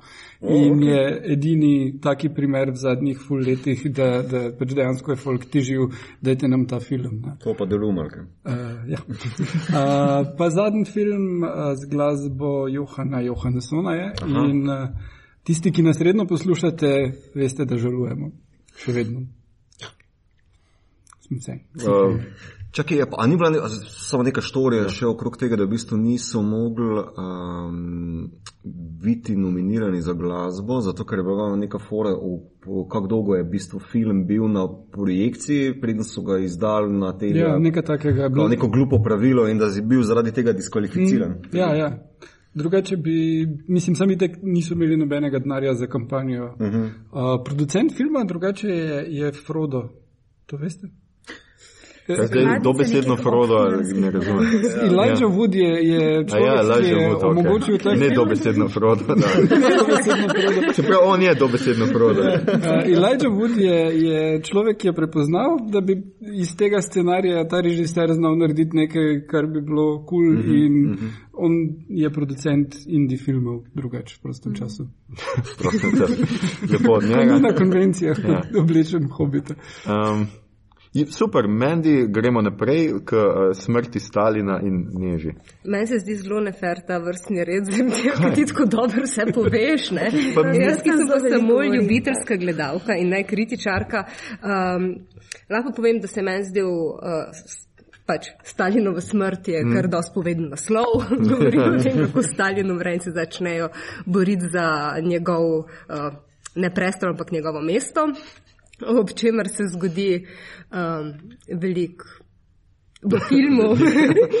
ja. uh, meni je bil, mislim, pač gre za neko satiro, ki je bila meni duhovita. Kljub temu, da sem pač prebrala, da so bile zelo negativne kritike, da gre za zahoden pogled uh, na vzhodno, na, na Rusijo. No, oziroma, um, ampak meni so se vseeno zdeli dosti dobri igravci ki so duhovito pač prikazali vse te politike, uh, kljub temu, da so bile zelo temačne stvari prikazane, mene ni zmotilo, da so bile ponekod na precej lahkoten način. Um, Ne vem, no, jaz sem se v filmu kar zabavala, zdaj pa začnete streljati po meni, kaj se, se vam zdelo na robe. um, jaz sem film ta vikend pogledala in na začetku mi je bil, moram reči, ker se film začne, ko je Stalin še živ in, in gre satiro v neko to smer mm. tega pač, kako je, pač, ne, kakšna je vladavina Stalina in vsi te poboji in to, in to nekako skuša biti smešno. Mi ni zares bilo. Ampak pa, pa ko Stalin končno umre. Tako že drugače. Ja, mislim, da tu se še moje mnenje obrne. Um, Pol se mi pa te, te, te boji uh, znotraj partijski so se mi pa zdaj pač plazno zabavni. Um, tudi zdaj so se mi v bistvu dost, uh, dost so se upirale neka zgodovinska dejstva, mm. čist uh, tako. Um, mislim, so se potrudili, da so neke. Z, stvari tam, ki pač jih lahko, če, če si kdaj kaj o tem bral, uh, si jih zaznal. Um, meni je čudovito, kako se žukov vrne. Um, pač potem, ko, ko, ko je bil izgnan na Ural in tako naprej, kako to film res uh, veličastno prikaže. Um, me je pa zelo zabavalo, res uh, ful sem se smejala in me je pa tudi spodbudil, da sem v bistvu tako mal začela pogledati kaj eni biografiji Stalina in da bi pač mal več uh, vedela te, o teh stvarih in sploh o teh pač razkolih potem. No? To me je v bistvu fuz intrigiralo. V Behranu je bil uh, članek uh, Leva Centriha, ki je strokovnjak za. Jaz mislim, da sem, da, da, da ja. sem ravno pač razmišljala o tem, da, da bi rabila nekoga, ki bi pisal o tem ja. filmu iz te perspektive. Ja, ja, ja. Je bil članek Leva Centriha, ki uh, je profesor z filozofske fakultete in uh, je zelo dobro razdelal, kje je tu zgodovina šla malo v drugo smer, dejan, mislim, film šel v drugo smer kot zgodovina in razlike niso tako velike. Tam recimo se omeni, da ta Stalinov sin, da mu je umrlo hokejsko moštvo v nesreči, to je nekaj, kar se je zgodilo dve leti prej, mm. ne dva tedna prej, v glavnem take ja, razlike ja. so. Uh, ni, ni bistvenih odstopanj, razen koliko je bilo pač potrebno, da se vse zgodi naenkrat. Mm. Uh, ja, verjetno nisem šla brati tega, ker, ker rajš najprej pogledam stvari, tako da ja, bom z veseljem. No, priporočam, ja, zelo zanimiv članek. Uh, da, ja. um, drugač film je bil meni tudi uh, zabaven, zelo lušna črna satira. Uh, in uh, zdaj, ja, to proti rusko ali pa nerazumevanje Rusije, to se meni pa ni zdelo problematično, ker ta isti avtor je naredil uh, že uh, več filmov in, in serijo o tem, kako se je norčeval iz Britancev. Tako da, glede na to, da je Britanec, uh, in nimam zdaj nekega občutka, da si jih je tu Ruse bolj prvoščal, da je bil žaljiv do njih, kaj bolj kot je bil do, do uh, Britancev in, in Američanov, ne na zadnje v VIP. Ne. Tako da. Um, Ali sem piše VIP? Ne, jaz sem šla zdaj, ker sem pač se hotela malo prepraviti, da bom pametna, ampak ne gre mi. um, sem pač šla prebrati par kritik in so bile kar precej obtužujoče. No? In tudi umaknjen je bil, ja, Rusi ga niso prevajali in tako naprej. Uh, in je bilo kao, da češ, da se norčuje še iz toalet, ki so jih imeli takrat. tako pa se mi zdaj pa dobro, no pač šala v WC vmes. Užaljenost državnih ja. aparatov, ja. vitek. Ne, ja. ne ampak to je, bila, to je bila ena slovenska kritika. A ja, ja to smo tukaj iz naše prebrali. Ja. Ampak zdaj ne vem, kdo je bil nizbiti. ne, za tem filmom se sploh ne ve tako, um, ker moram reči, da zame osebno, ne, niti nisem o njem razmišljala na ta način ideologije, čeprav je to najbolj, najbolj pameten način, da, da dobiš kaj več iz njega. Ampak na najbolj osnovni ravni gegov in šal me pač ni pripričal in ni bil duhovit in se nisem nikoli smajala in zaradi tega mi pač tudi nič ostalo. Ostal ga ni ostalo v spominu in zame je to tako totalno pozabil film, res prav ne vem. No, res, ja. ker je on pripovedoval ženi, kakšne šale bomo vedeli ostali. No. Ne, ne vem, pač kakšne stvari so mi duhovite, to mi ni bilo, ne vem, Jeffrey Temple mi je šel na jedra, ne vem, vse skupaj sem bila tako, dajte mi mir. Gremo naprej. Ne, ne, bil, mislim, da je bil ful duhovitno. No, se pri, pri humorju je pa itak, to je, humor je pa najbolj subjektivna stvar od, od, od vseh, če se že mogoče. Skor, skoraj toliko izrazi ples. Oje. Um, to je very debatable. ja, very debatable. In, in ja, bomo nadaljevali z, z Petrinim uh, filmom, ki je Sorry to bother you. Ja. Um, to film sem spravila tudi zato, ker se mislim, da pač, mislim, ker je tudi ima neke žanrske mm -hmm. prvine do neke mere. Um, to je film, ki bi ga, ki sem ga mogoče, mislim, to je nek nivo filma uh, in uspešnosti tega, kar sem mogoče pričakovala od Black Clansmana, uh, Aha, okay. uh, Spike Lee, pa nisem pri Spike Lee tega dobila zares. Um, čeprav igrata na neke predvsej podobne note, torej pri Sorry to Badarju gre za enega um, junaka, ki, ki se odloči dobiti uh, stalno službo, zato da se lahko preseli iz garaže um, in dela v telemarketingu in tam nek uh, sodelavc starejši, ki je prav tako afroameričan, pač reče, da mora uporabiti svoj belski glas in mm. on to stori.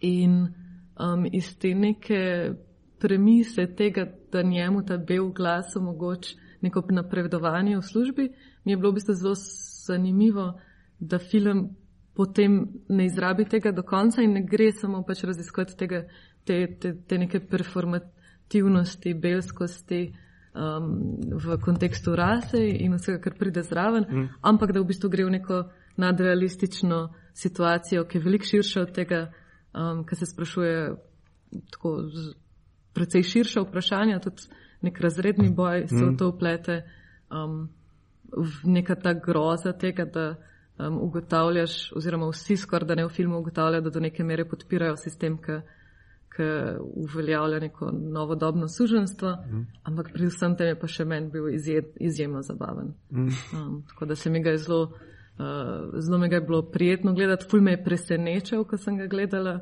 Um, tako da ja, to. Ja, mislim, da pa zelo veže rasno vprašanje na pač vprašanje boja proti kapitalizmu, tako kot se reče. Mm. V bistvu, njegov white voice nisem to, da je pač on zveni, pač zdaj, kaj je nek pač belc, ampak je bolj to, on ga prepričal tako, da mu reče, da moraš zveneti, kot da si uspešen, kot da se ti mudi, ne vem kaj, da boš šel skvoš igrati, takoj po, po tem, ko upraviš ta klic. In je pač v bistvu te ameriške sanje, so ne, pač ta neka. Ta nek ta- middle class. Ja, ja, ja, pa ta obsedenost z nekim, on hoče postati ta power caller, ker je to pač, oni živijo v nekem svojem štuku in imajo svoj, uh, svoje dvigalo in ne vem kaj vse.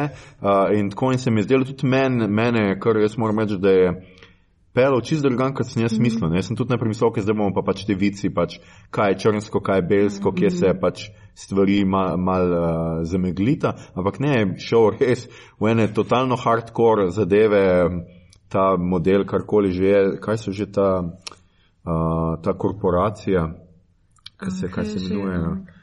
Niso Vision, ker to je iz nekega drugega filma, ampak so. Um, Worry free. Ja, je worry free, ja. oni so pač tako res delajo, uh, ljudi bojo nekaj, bojo naredili konje z njih, oziroma tako nekako, Ja. no, pač klonirali. Je vam meni tudi zelo tako inovativno. bil Ta Ja, šok, ko se zave, kaj, kaj se dogaja, in tako zagledaš. Ja, jaz sem te mislil, da se njemu pač, da je ono koko je vzel in da je pač Ja. to, Jaz da ima isto, ja. halucinacije. Jaz mislim, da je to en film, ki pa res zelo veliko sluha narediš ljudem, če ga ne spojlaš tega dela. V smislu, da pač naredi tako moč. Hvala za opozorilo. Ja, Ne, pač res ne pričakuješ tega. A ja, to pa jaz ne vem. Ja, ne gledaš kot no? svežilne fronte.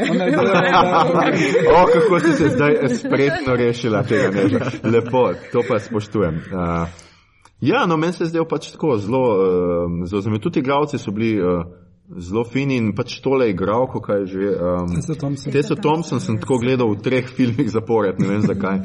Zdaj se je ful pojavljal in mi je, mi je, uh, se mi zdi kar v redu. Njega pa nis, niti nisem poznal tega.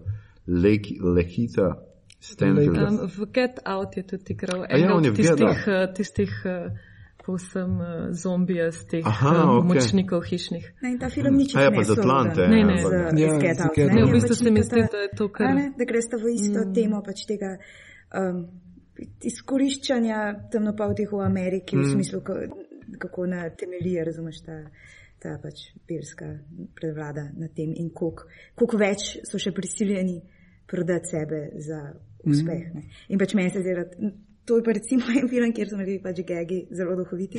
In to je pač njegov, ne, ni bilo to. O, ne, za, še en nož v tvoje Ne, ni to, zdaj. full fan sa stali. Na uni strani. Filma. Ima on belski glas. Ta belski glas sinhroniziran, če se mi zdi pač Ja. tak dober detajl. In to pač tudi na tej vizualni ravni, da imajo nekje pač. Uh, so brisalci avtomobilov pokvarjeni, pa imajo pač No, nek ja, ki to ga se mi tudi dopadne. Pač, Ja. Take stvari so mi duhovite. In ja, Tessa Thompson, ki, ki, ki hodi okrog s karikirano ogromnimi uhani, to mi je recimo zelo všeč. Se mi bil všeč njeni ohanja. Drugače, ta glas je bil David Cross. Mm. Uh, Ne bi nikoli vedela. Ampak. ja, jaz IMDB-jem, pol pa me. Me- Meni se zdi tudi lepo to, da, da, da razširi temo um, te neke pač, uh, elemente pač tega nekega strukturnega rasizma, pa zelo tako lepo dozira. Pa, pa ne vem, tist, uh, ta neka sekvenca na, na zabavi, o kateri tudi ne bomo zdaj spoilali, mm. je tudi kar čudovita no? in pove veliko več kot, kot uh, ja, mogoče spajkli. Mal sem uh, jezna na spajkli. Mislim, da smo to mi že, da smo to vsi že dosti cajta jezni na Spike Lee. Um, super, bomo, bomo šli naprej, kaj, kaj smo potem. Ja, potem je spet uh, Igor in tokrat je Igor izbral nekaj, kar gotovo noben od nas ni gledal, Batman Ninja. Ja. Jaz sem vedela. Oh, Jaz sem, jaz sem do polovice gledal. Ja, jaz sem hotel, pa priznam, čas. Uh, ja. no, eh, skratka, Batman Ninja je uh, naslov pove kar veliko. Uh, si rekel, ja, no, tako smo Uh, pričakovali. animiran film, uh, koprodukcija Warnerja pa nekega japonskega studija, tako da je zelo anime, uh, pri čemer uh, tekom zgodbe menja več slogov, kar je zelo lepo narejeno. Mi to vidim, da ni bil imprest. Ti- Meni so bili pa ti stripovski obe premiki, so mi bili zanimivi. Ja, to kako menja sloge. No? Ja. No, Uh, zdaj ne že za bestila, če spraviš na nekoga. Vse je v redu, jaz nisem maščevalna. Uh, Zgodba pa je pač, da Batman zaradi nekega poskusa in vsi njegovi te sovražniki, pa pač eno par teh pomočnikov so transportirani v feudalno Japonsko, kjer se potem borijo ninja in samuraji in ogromni roboti narejeni. Ja, po. Ja, presenetil si me, Ja. ja. si dal to na listo, ker smo tako, what? Ja, a, mene je film zelo navdušil, takoj ko je Navdušil zakaj? Nad, A, Glih zaradi tega, ker a, glej, vzame najbolj butaste ideje možne iz vseh teh žanrov in jih ima na kupu in se ne obremenjuje s tem, da bi zdaj tu moralo imeti nek smisel, neko moralno, moralko zadaj, ja, karkoli. ampak mi se pogovarjamo o top. Ja, Dva. Ne, ne pa gora, a veš, užitek, užitek filma, užitek tega, koliko uh, diverse liki so lahko vsi ti, ki so znotraj, uh, vmes to, kar Joker naredi, pa kak je animiran, uh, full potencira ta lik. Mislim, meni se ta Joker, ki je tu noč, zdel en boljših sploh. Ja, Meni je bilo ful dobro, kak je bila pač spojena, sta bila neka vsebina, pa forma, v kateri je bila predstavljena. Dejansko se mi je zdelo pač, da so in dobro zrisani, ker si že ti rekel te animeno ali pa manga stil stripa, ne, ker dejansko imaš mesti te stripovske primike, ne, Ja, ja. noter prikazane. In se mi je zdelo to res fajn, kak skupaj deluje. Mislim, Ni zdaj, da bi rekla, ok, ta zgodba je pa res, veliko mi je dala ne? in bomo o njej še razmišljala. To ne bom, ampak res, ko sem kar gledala, sem gledala, kak je dober in skadrirano je ful dober, mm, Ja. uh, in ti liki, uh, kak so prikazani in naslikani. Um, tudi zvoki so mi bili dobri, dobri, ti roboti so bili res mal veliki, ampak, ampak so bili pa res do absurda pripeljani. ne. Ja. Mislim, in če si lahko to prvoščiš, je pač v animiranem filmu, kjer nič ni narobe. Ne? A veš, v filmu so lahko efekti zvenijo neumni ali pa narobe, v animiranem filmu je pa res vse mogoče. Ne? In meni se zdela To že, res ampak dober veš, zbran ravno- način. Ker je vse mogoče, se to mora, ti moraš toliko bolj zavedati, v bistvu, kaj ti želiš delati. Ne. To, mi, mi smo na akademiji smo imeli Maksimo, ne, torej, a, manj je več. O moj bog, tega pa, pa, pa, pa slišim, to sem zapisal. Manj je več. A to nagra. Um, ne, liko, Se ne govorimo o slovenskem filmu. Um, jaz, pa, jaz pa ne vem, ko sem začel gledati filme, najprej animacija odbila, zato ker mi je popolnoma izmetničena, cel-shaded eh, digitalna animacija. Ki me najprej Kaj je spomnil, shell- cel shaded, v bistvu je poseben oblik digitalne animacije, ki se zelo približa kao ročni risbi, ampak ni, to je v bistvu vse po tem Vse to računalniku. podrobno me zanima sem. Um, no, vse le, samo to, ki povem, da v bistvu kao, to so. To so, na primer, Ghost in the Shallow začeli delati, ampak je bil Mamoru Oši toliko pameten, da je v bistvu kao to estetsko približal nekako uh, originalnim predlogam akvarelov. res stripom. Ja. Ja. Tukaj, tukaj pač, ne vem, um, na Maksimo to v bistvu po- potisnjeno in me je odbilo. Res me je odbilo. Potem me, mi je bolj izgledalo kot igrica Back, uh, Batman Arkham Asylum, naprimer. Mm -hmm. Mi je ta estetika odbijajoča. Pol pa, ko sem nekako to gledal, pa sem bil že tako zgrožen, da res moram za to gledati, kaj, ampak dobro sem se potrudil do polovice filma, ampak vedno bolj se mi je pa vsajala noter logika, da v bistvu gledam neko bedno kulturno apropriacijo iz strani Batmana in se mi je zdel taki grdi rep. Um, Je več moj japonski film.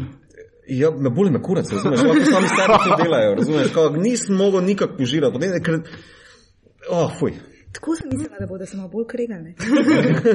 Zdaj, žal imamo pravo cajta, da bi se res Si skregal, ne, gledal, si gledal tiste točke, ko je Joker pa Harley, ki sta. Ja, ker tam bi pa se vse obrnilo mito in če. Meta. Ja.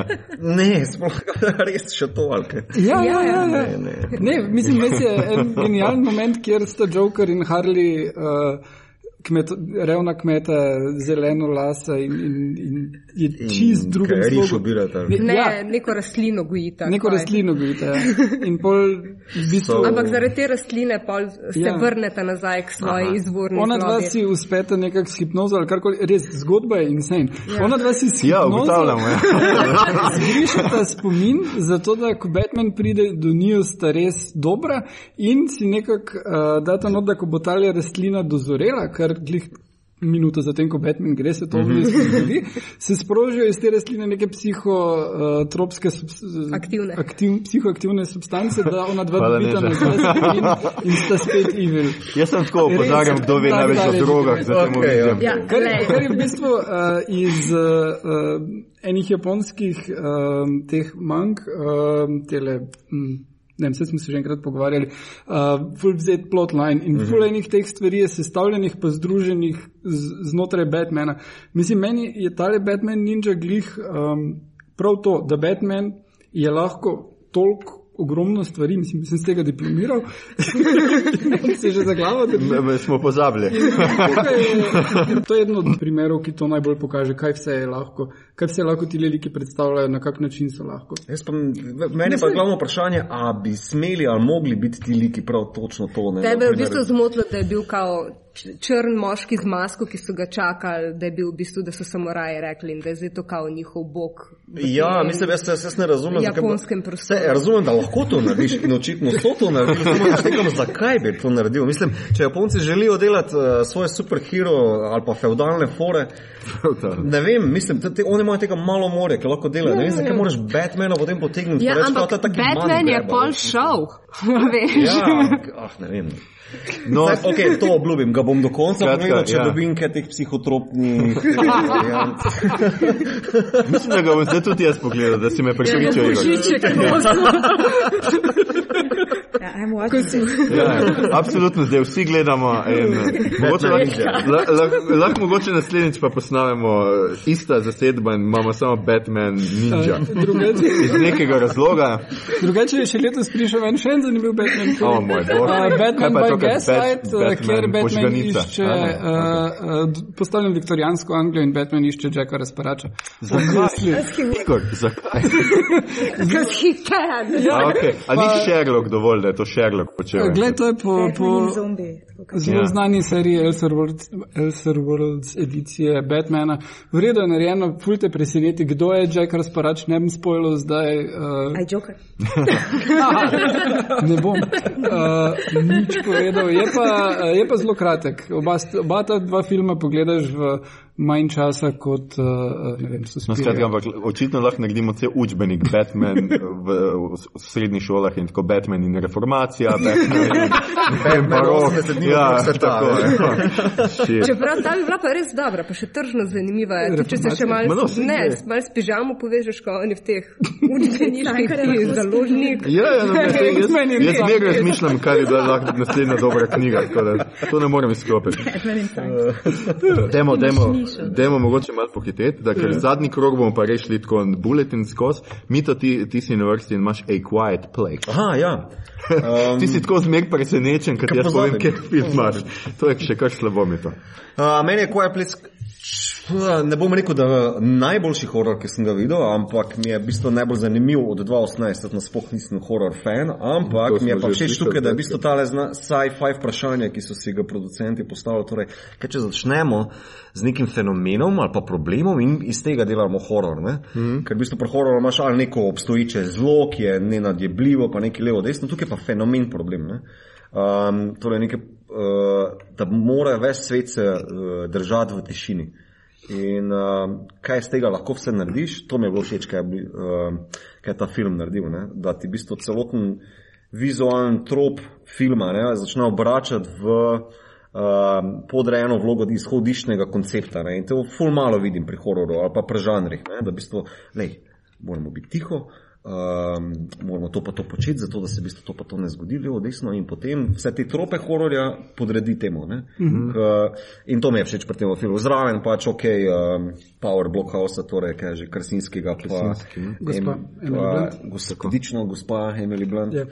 Uh, ker v osnovi je Mary pa to, ja, v osnovi je pa to v bistvu survival, survival ne mi zmeri popiske. uh, v osnovi je pa to survival uh, horror, ne, v bistvu kako preživeti uh, v popolni tišini napad teh nekih, na koncu zvemo, ne pošasti, um, kako v bistvu v popolni tišini roditi, kako vzgajati uh, otroke in v bistvu res. Uh, Mislim, da bi škarš lahko priročnik. gledal. Ja. Ne, mislim, hočete povedati, da zato mi je všeč ta film, ker ti takoj na začetku postavi neko zelo preprosto zakonitost tega sveta in potem je tudi zelo simpel uh, preveden v uh, lep filmski jezik, uh, ki je konsistenten, ki je zanimiv, uh, ki te drži do konca. Uh, tudi všeč mi je bila reakcija v kinu, ko sem jo doživel, ker ne vse veš, kak je v, bistvu v kinu, v kolosej prideš ali pa cineflex, pa vsi govorijo še prvih pet minut, tukaj pa po prvih 30 sekundah samo tihnejo.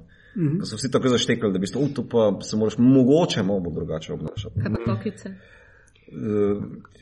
Ne, tudi to je poniknilo, mogoče kakšni noče še, ki jih vseklo. Um, Jaz sem bila pa točno na premjeri in mislim, da so nam na vhodu delili neke riževe krekerje. Oh, joj. In je bilo dejansko dož časa še med filmom tiste tako. Oh, shit. In, ja. Uh, ja, to, to je ena od stvari, ki jih vsakemu povem, ki se spravi ta film gledati, če ste ga zamudili v kinu, uh, pa doma nimate v redu sound sistema, mm -hmm, potem telefon pa slušalke boljše izbira kot pa televizijo Ja. na tiho, ker je sound design toliko uh, pomemben del filma, da je malo brez veze. ja. ne, všeč, mi, se pravim, všeč mi je zato, ker bi si želel, da si več horror filmov.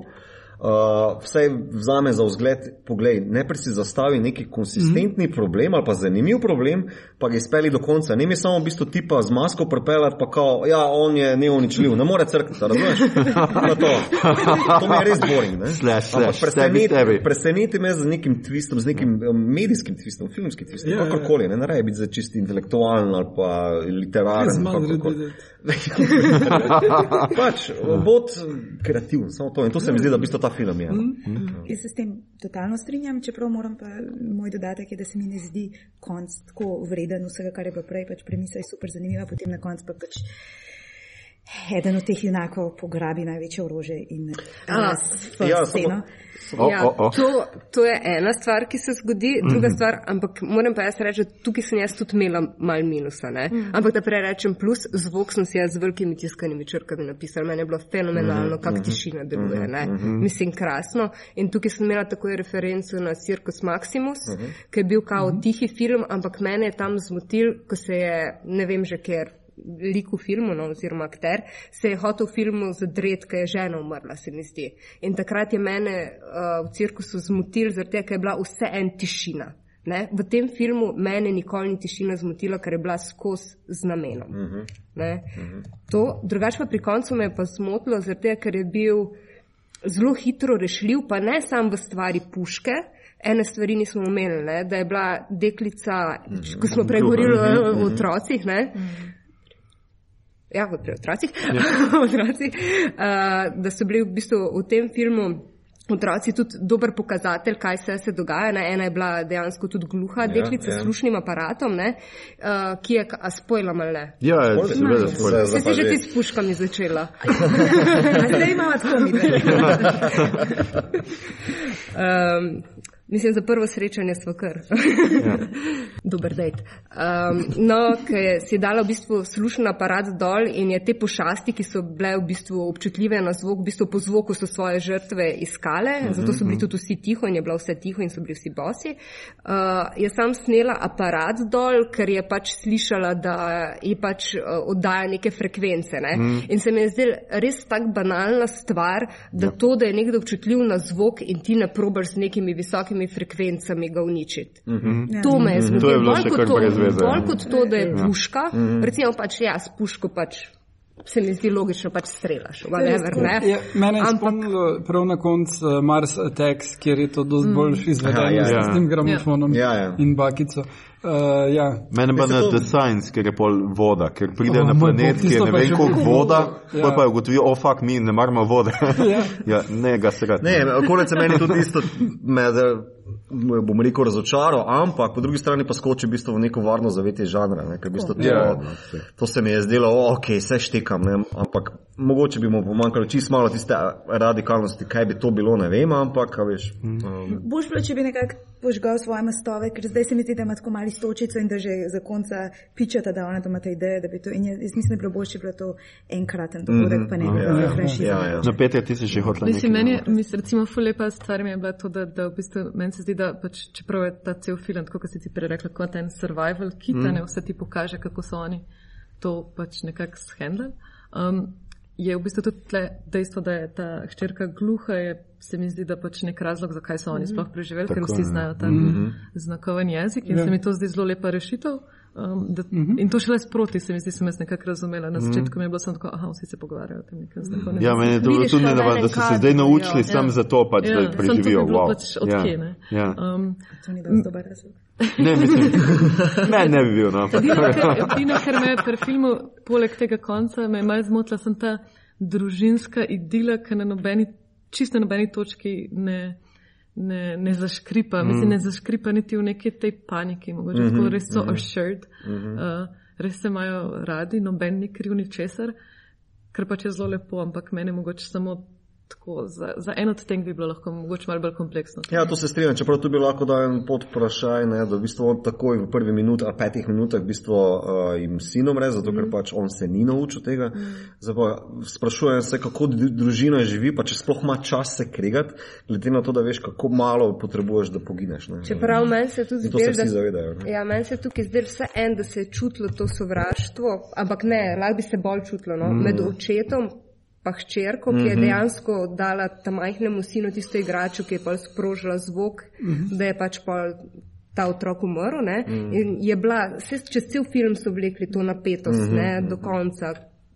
Ampak ni pa res bila zdaj ti smočna. Ja. Mislim, mene bolj, mislim, se mi zdi pa, da tej družinski idili še več doda ta lep hipsterski prostor.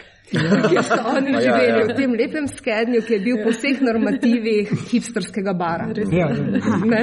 Mislim, Ja, v, glamping so šli. Ja, ja, ne. Perfect expression. Ja. Ja. v Lantimosovem filmu ne ubijanje svetega Jelena ne, se starša vprašata, pa dobro si lahko naredila druge otroke. Na ta način um, ne, je, je bil zanimiva Pa ne date tega. svojim vozičkam, ampak se rajš plazita po tleh.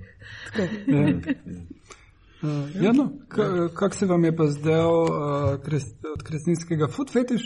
Nisem videl toliko kadrov stopal, niti v Tarantinovem filmu. Jaz to priznam, da nisem opazil. Tudi jaz ne, tako da čigav film ti Ja. še kaže. Ne, ne, Honest pa, trailer- me je na to opozoril in potem je tako super, Katin je tako. Ne, Igor, to je po mojem to zato, ker si ti maraton, smo vedno noge. Tudi meni je bil recimo ta, um, ta prizor, največji krinč v filmu mi je bil v bistvu ta prizor z žebljem. Au, ja, pa res. Pač ja. to, Ja. to je neka tudi moja ta otroška travma, ki te babice strašijo pred zarjavelimi žeblji, um, če živiš pač na vasi in tako, kjer se to pojavlja. In meni je bilo to grozno. To je moment, tako, pač, vedno, ko sem videla te žebo, pač mi je bil največji krinč tega filma. E, meni že, ko je ona šla po stopnicah gor, ko ga je že ven potegnila, zato ker vemo, ne? Če, Ja. če v prvem prizoru puška bo v tretjem najmanj počla, ne? Ja, ja. To je pravilo in zdaj, če je prizor v žebelj, dva prizora naprej bo nekdo pohodil in ko vidiš, da so vsi bosi, si so, oh, Ja, sem pol pa oba otroka gresta dol brez problemov. Ja, ampak jih je opozorila. A ja, je, veš, Ja. mogoče sem pa to spregledal. Ali pa pozabo že. Ja, stare, za starejšo hčerko sem bila malo v dvomih, ampak ta malo ga je Ja, prav ker ona gre pa res tako počas dol in tako in še gleda in tako. Ok, uh, en hiter krok, še imamo ravno čas, se pravi, vsak pove svoj uh, tretji film in zakaj mu je bil všeč, ostali bomo pa uh, požrli, če nam ni bilo. tako nekaj nek naredili, skratka, bodimo kratki in dajmo tako, ker bomo pol še šli mogoče mal kaj drugega, uh, še en hiter krok drugih stvari, skratka, zdaj, um, Ana, ti začneš. Ja, moj torej, tretji film je Annihilation. To je film, ki ga lahko vidite na Netflixu, drugače mislim, da ne.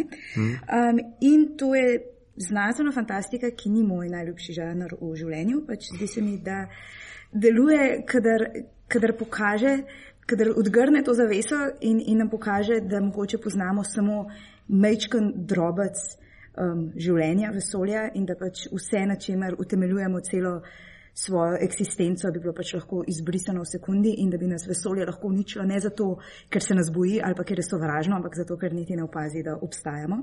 In mislim, da je pač Annihilation soočenje s takim svetom.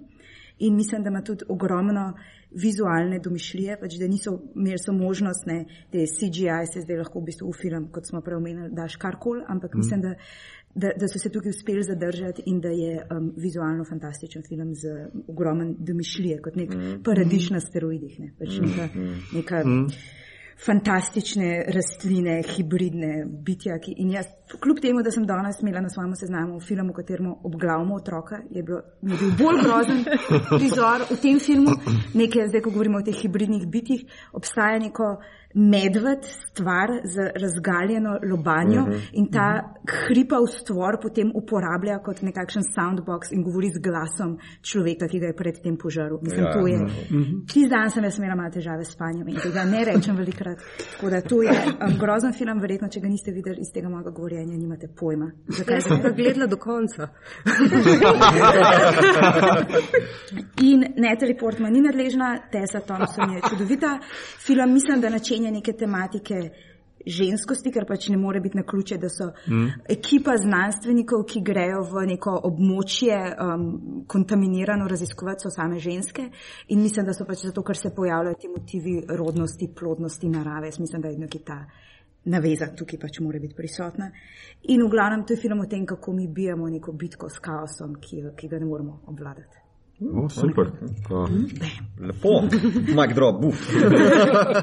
um, naslednja je neža z Revengem. A jaz sem sam tukaj le še hodila, a nič ne smem reči. Ja, lahko, seveda lahko. Okay. Uh, jaz sem sam hodila reči, da meni je bil pa to v bistvu bolj film, kako je človek, ki gre skozi težavo in o destruktivnosti človeka. Same, v bistvu bolj skozi to prizmo sem ga gledala, pa še samo ena čist kratka opaska. Jaz z možem gledam filme in mi dva večinoma, največkrat pa sama. No. Uh, in smo ful različna gledalce. In mi je ful smešno, kako različno jih gledamo in kako moš opaziti, da nepravilno uporabljajo orožje. In to pokvar film, recimo, jaz pa čist neke druge stvari gledam. Vedno se mi zdi, no pač to, ko imaš dialog z nekom, ko pač na neko umetnost gledaš z dveh različnih stališč, mm -hmm. uh, se mi zdi, da se ful zanimive stvari vam pride, no, zato mi je danes tukaj tudi zelo lepo. Uh, ja, jaz imam pa maščevanje. Uh, ta film sem zbrala, zato ker pač žanrski film, ki sem ga pogledala. um, zelo, pod, zelo natančno, analitično si šla skozi ja, zbor.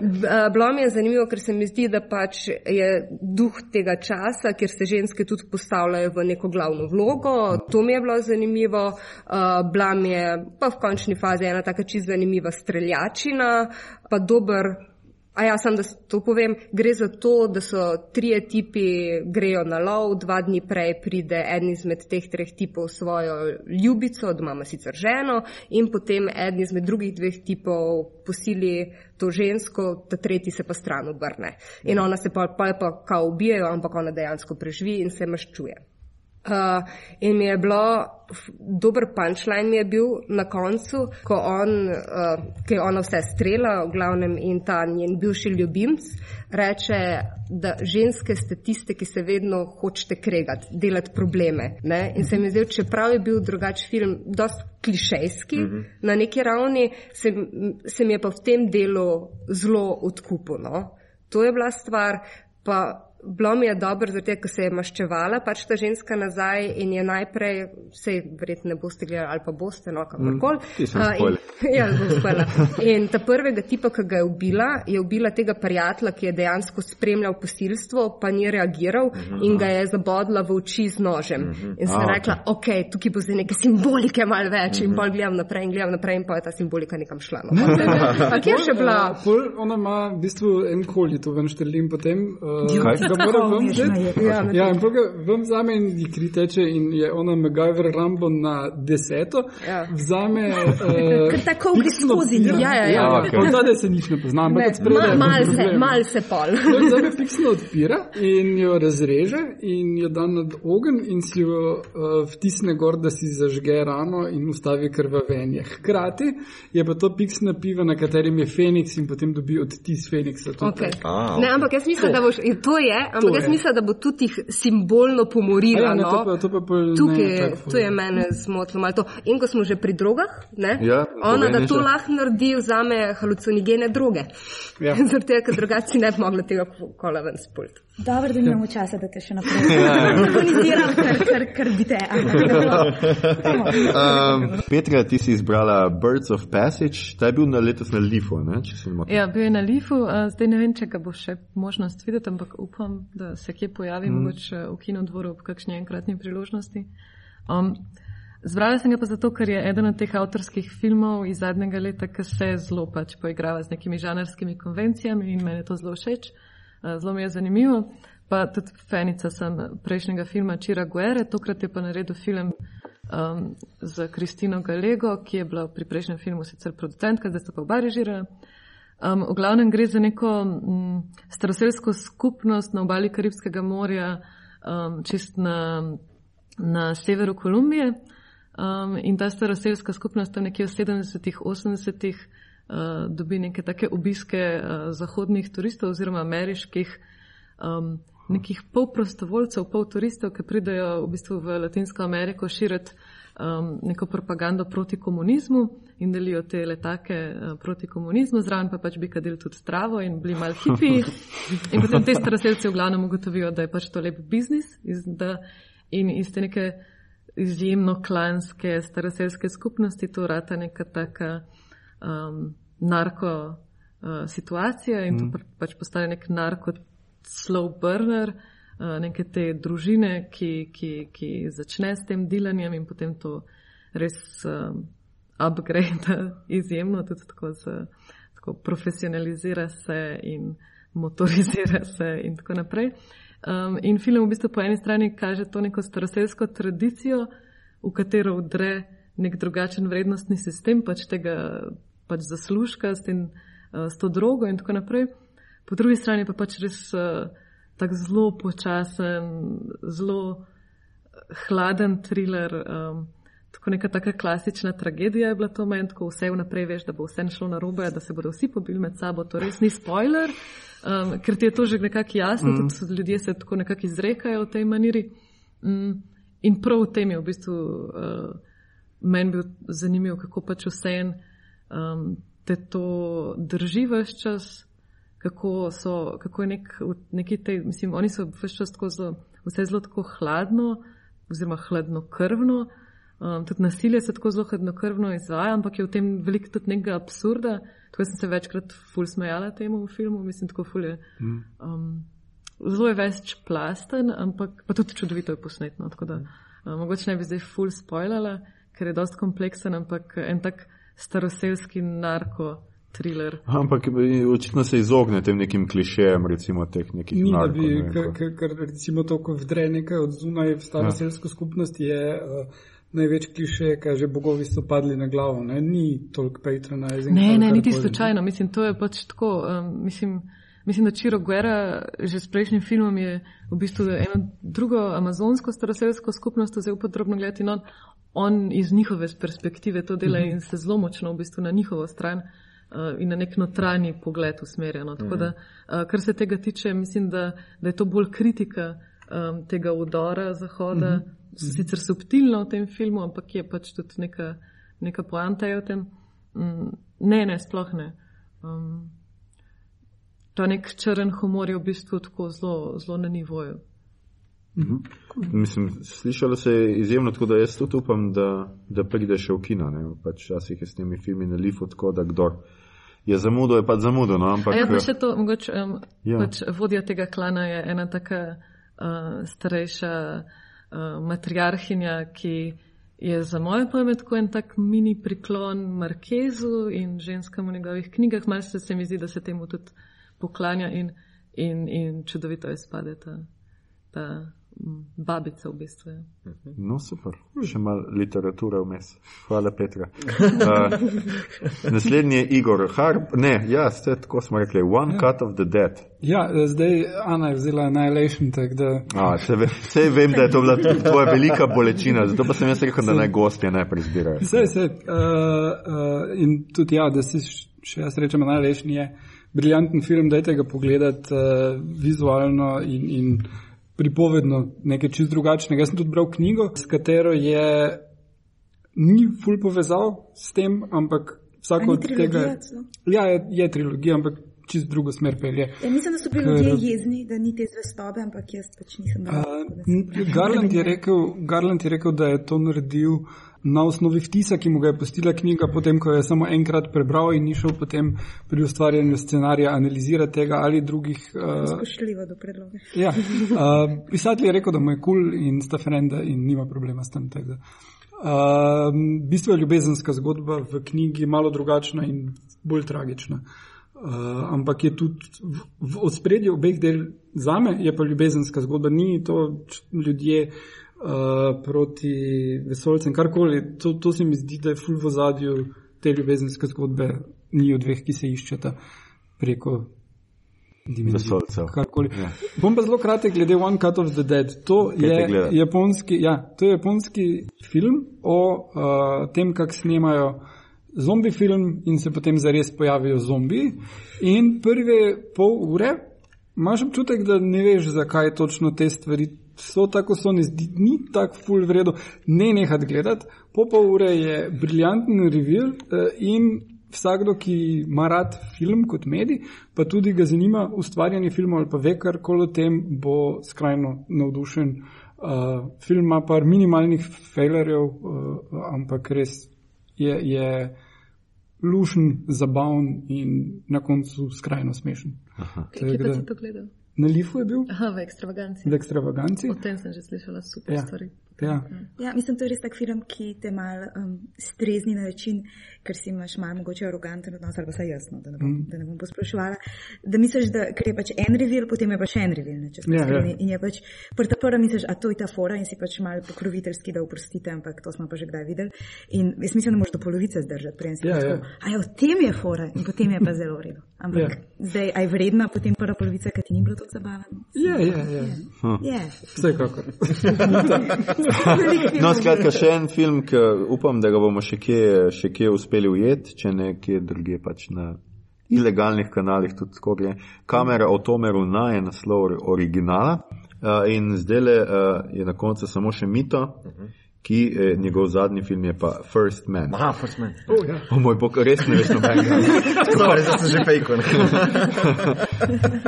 First Man, tako. Um, ja, um, se štorijo vsi poznate, to je v bistvu o, prista, Ja. o človeku, ki je pristal na Luni. Ne? Drugo leto je obletnica, tako je. Ja, um, v bistvu meni je bil ta film všeč zato zaradi pristopa do teme, ker ga niso skušali zdaj v bistvu poveličevati njega kot ne vem. So skušali v Apollo 13, Tom Hanksa, pa ne vem, v ostalih, zdaj že temu lahko rečemo NASA, uh, universe, movie universe, razumeš, uh, ki američani štancajo TV Space Odyssey, da je veselje. Uh, ne, všeč mi je bil film zaradi tehničnega pristopa, torej v treh različnih formatih je posnet. Uh, 16 mm formatu, 35 in 70 mm, ki se potem preko filma razvije vse do pristanka mm -hmm. na Luni. Po drugi strani mi je pristop uh, tega biopika, kako se že reče, biografske drame kvazi. Mm -hmm. uh, všeč, ker je zelo dokumentaristično, fly on the wall, se ne vtika noter v neki, ne vem, poseg ali pa v medlike ali pa prostor. Ne. In ti ves film, ti da feeling, kot da v bistvu uh, ni on akter zgodovine, ampak da se njemu zgodovina pač zgodi. In to mi je najbolj všeč, ker tako so začeli film in tako imaš tudi feeling, ko prideš ven. Ampak na drugi strani sem pa imel full, ko sem prišel ven s kina, sem bil tak fuck.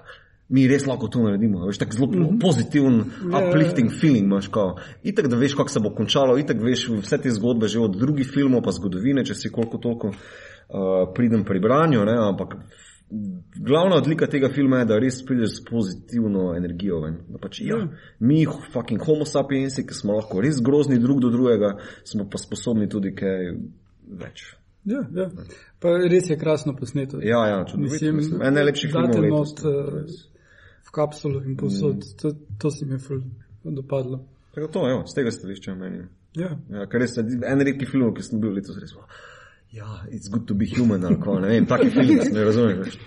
No, to je odlično za konc uh, tega pregleda filmov. Skratka, pejte si gledati First Man, ker boste veseli, da ste ljudje. Um, filmi, ki jih mogoče nismo omenili, pa sem na hitro skozi, solo ta noben ni izbral. Ne vem zakaj. Res, Ne, zakaj. res zakaj ne? No. Vse imajo podrobnosti. so Podrobnosti pa imajo oni cel glih podcast obdelali o tem, solo. tako Vse vem, zato mi nismo. No. Uh, potem Spider-Man Into the Spider-Verse smo bili vsi kar navdušeni v Ja. zadnjih tednih, tako da to Deadpool 2 recimo ni bil izbran, The House That Jack Built recimo tudi ni bil izbran. Ja, jaz eh, pač sam, sam opominjam, no, tistega, tiste, ki bi mogoče še kaj pošvrkne vse. Ja. Ja, ja, jaz si to lahko del- eh, privoščim, ker pač nisem zbiral Si bistvu tako ona dva na koncu mape čova. veš. Ja, ja, ja, tako na, na balkonu. Pač ja, zdelo se mi, je, da bo mal preveč filmov, če še jaz zberem tri, pa pokradli ste mi vse moje, tako da potem sem se rekel, da ne bom na silo tega počel. Uh, Demo mogoče kdo, a bi kdo omenil kakšno serijo, ki jo je letos gledal, uh, pa, uh, pa je mogoče še nismo slišali v podkastu, da, da, da vidva sta mal tih. Skratka, gostja, ste gledali kakšno še serijo, ki bi jo mogoče priporočili? Ana ne gleda serije. Ana ne more, mislim, jaz sem pri serijah sem bolj, bolj sledilsko, ker bolj ovca počakam, da mi vsi povejo, kaj je v redu in potem gledam.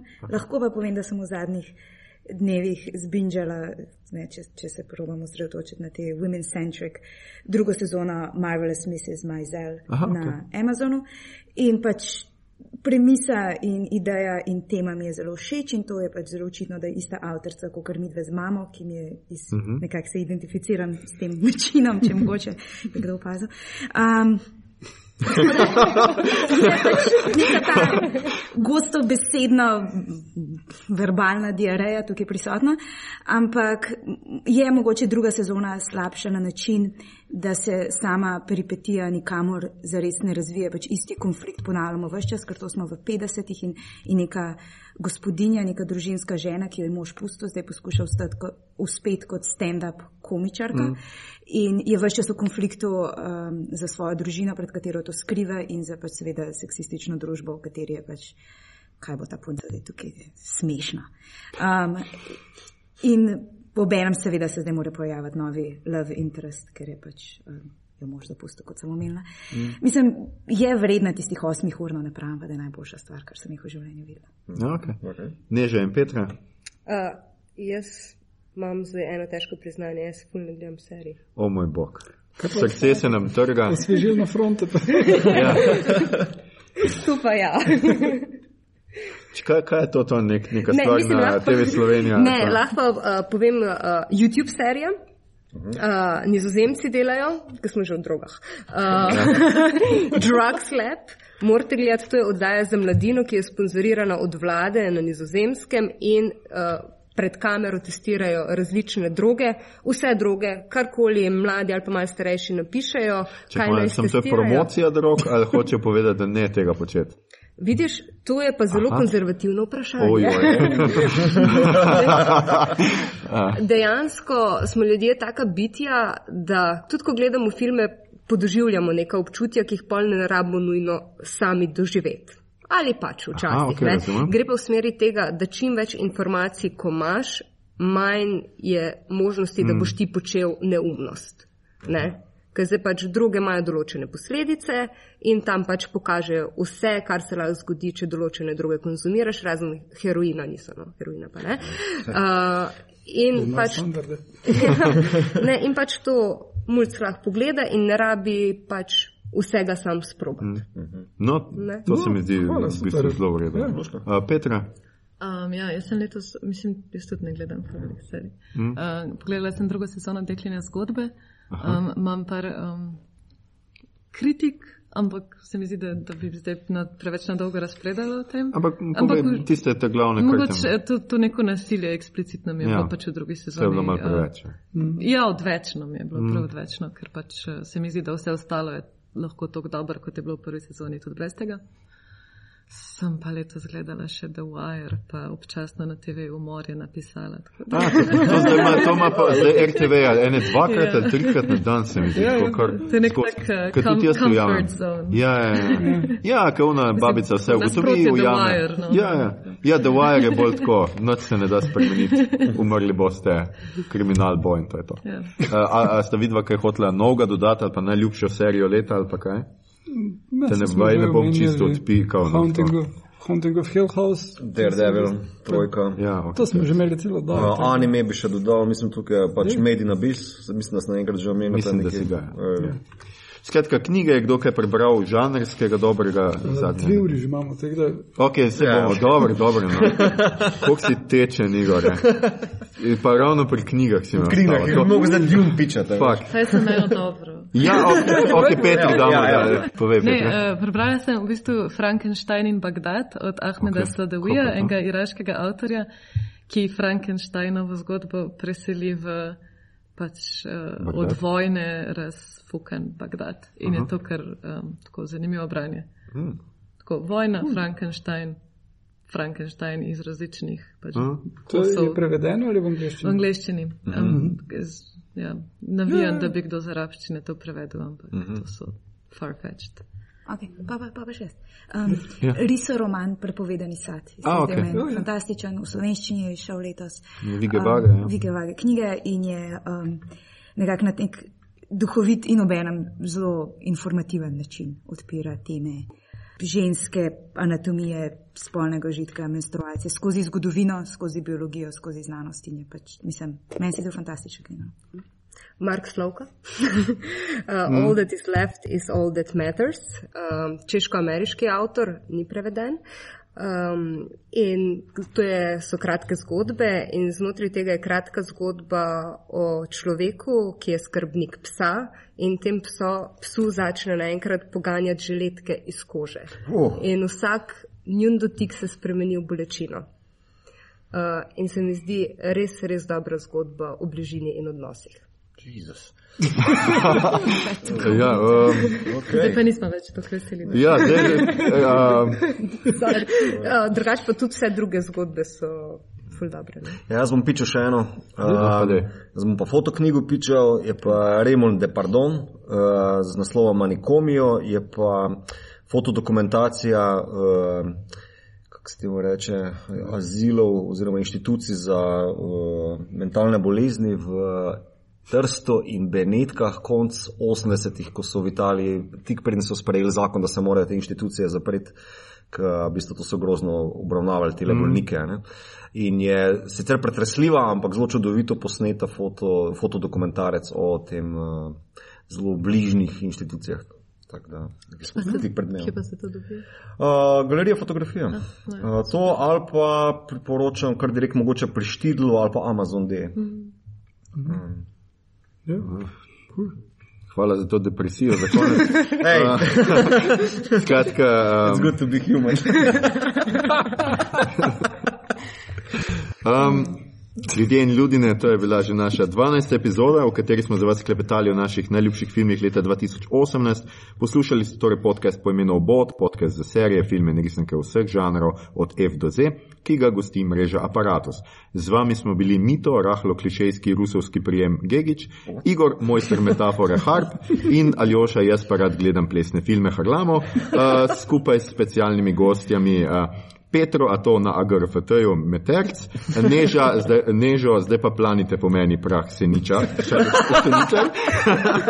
In um, Ana, you did my woman wrong, you. Uh, Tokrat snemamo v Koloseju v Ljubljani, ki se mu seveda zahvaljujemo za prijetno uh, gostoljubje. Tudi sem pridemo vsake toliko pogledati kakšen uh, film. Uh, kot bi rekel Anže, dragi uh, moji, kje se vas najde na internetih, kaj počnete v življenju, da vas ljudje še kje ujamejo in prosim brez domačih naslovov. Ana, Jaz tako stvari, ki sem jih pripravljena deliti s svetom, pač kar ponovadi objavljam na MMC, ostalo so pa top skrivni posli. tako skratka, MMC za Ano, Neža. Uh, lahko žgejo televizijo, lahko Oh. YouTube. A, kaj je tam to? um, drugač pa na Twitterju, pa na Instagramu. Petra. Radio študent, revija ekran, pa tudi kaj prevedem kdaj. No, Kakšni knjižnici ali pa knjigarji. Um, Twitter, uh, vikend, vse veste. no, Mica, ti boš bolj podroben. A ja, Ed, Ed Buda Mit na Twitterju in Instagramu, Mito Gegič na Facebooku, pa moja spletna stran, kjer imam moje akademsko delo, je pa mitogegič.carbonmate.com. evo. Tako? Tudi mene, gotovo, kje najdete. Um, če, va, če vam je bilo všeč, kar ste slišali, eh, šerajte, lajkajte naš podcast, naročite se nam preko vašega najljubšega appa oziroma ponudnika podcastov, dajte nam tudi kakšno ceno na iTunesih, zdaj pa reže cajt. Podprite platformo aparatu z odličnim izborom podcastov za vsakega in če še niste menjali koledarja, kdo rabi koledar, svoje dneve štejte od ene do druge epizode podcasta Obot, če ne bo spet kakšnega posebnega razloga ali praznika, bomo zunaj vsak drugi torek. Na Twitterju nas najdete kot podcastobot in tja lahko usmerjate vprašanja, pripombe, eh, komentarje, morda svoje lastne izbore top treh eh, filmov eh, lanskega oziroma letošnjega leta in pa seveda predloge, kaj bi za vas pogledali naslednjič. Sicer pa se slišimo spet čez dva tedna, malo bomo po tem napornem decembru počivali tudi mi, ljudje in ljudine, srečno, 2019. A bomo še kaj vsi skupaj rekli adijo ali pa nič? Srečno. Ne, ne, srečno. Ja, ostanite ljudje.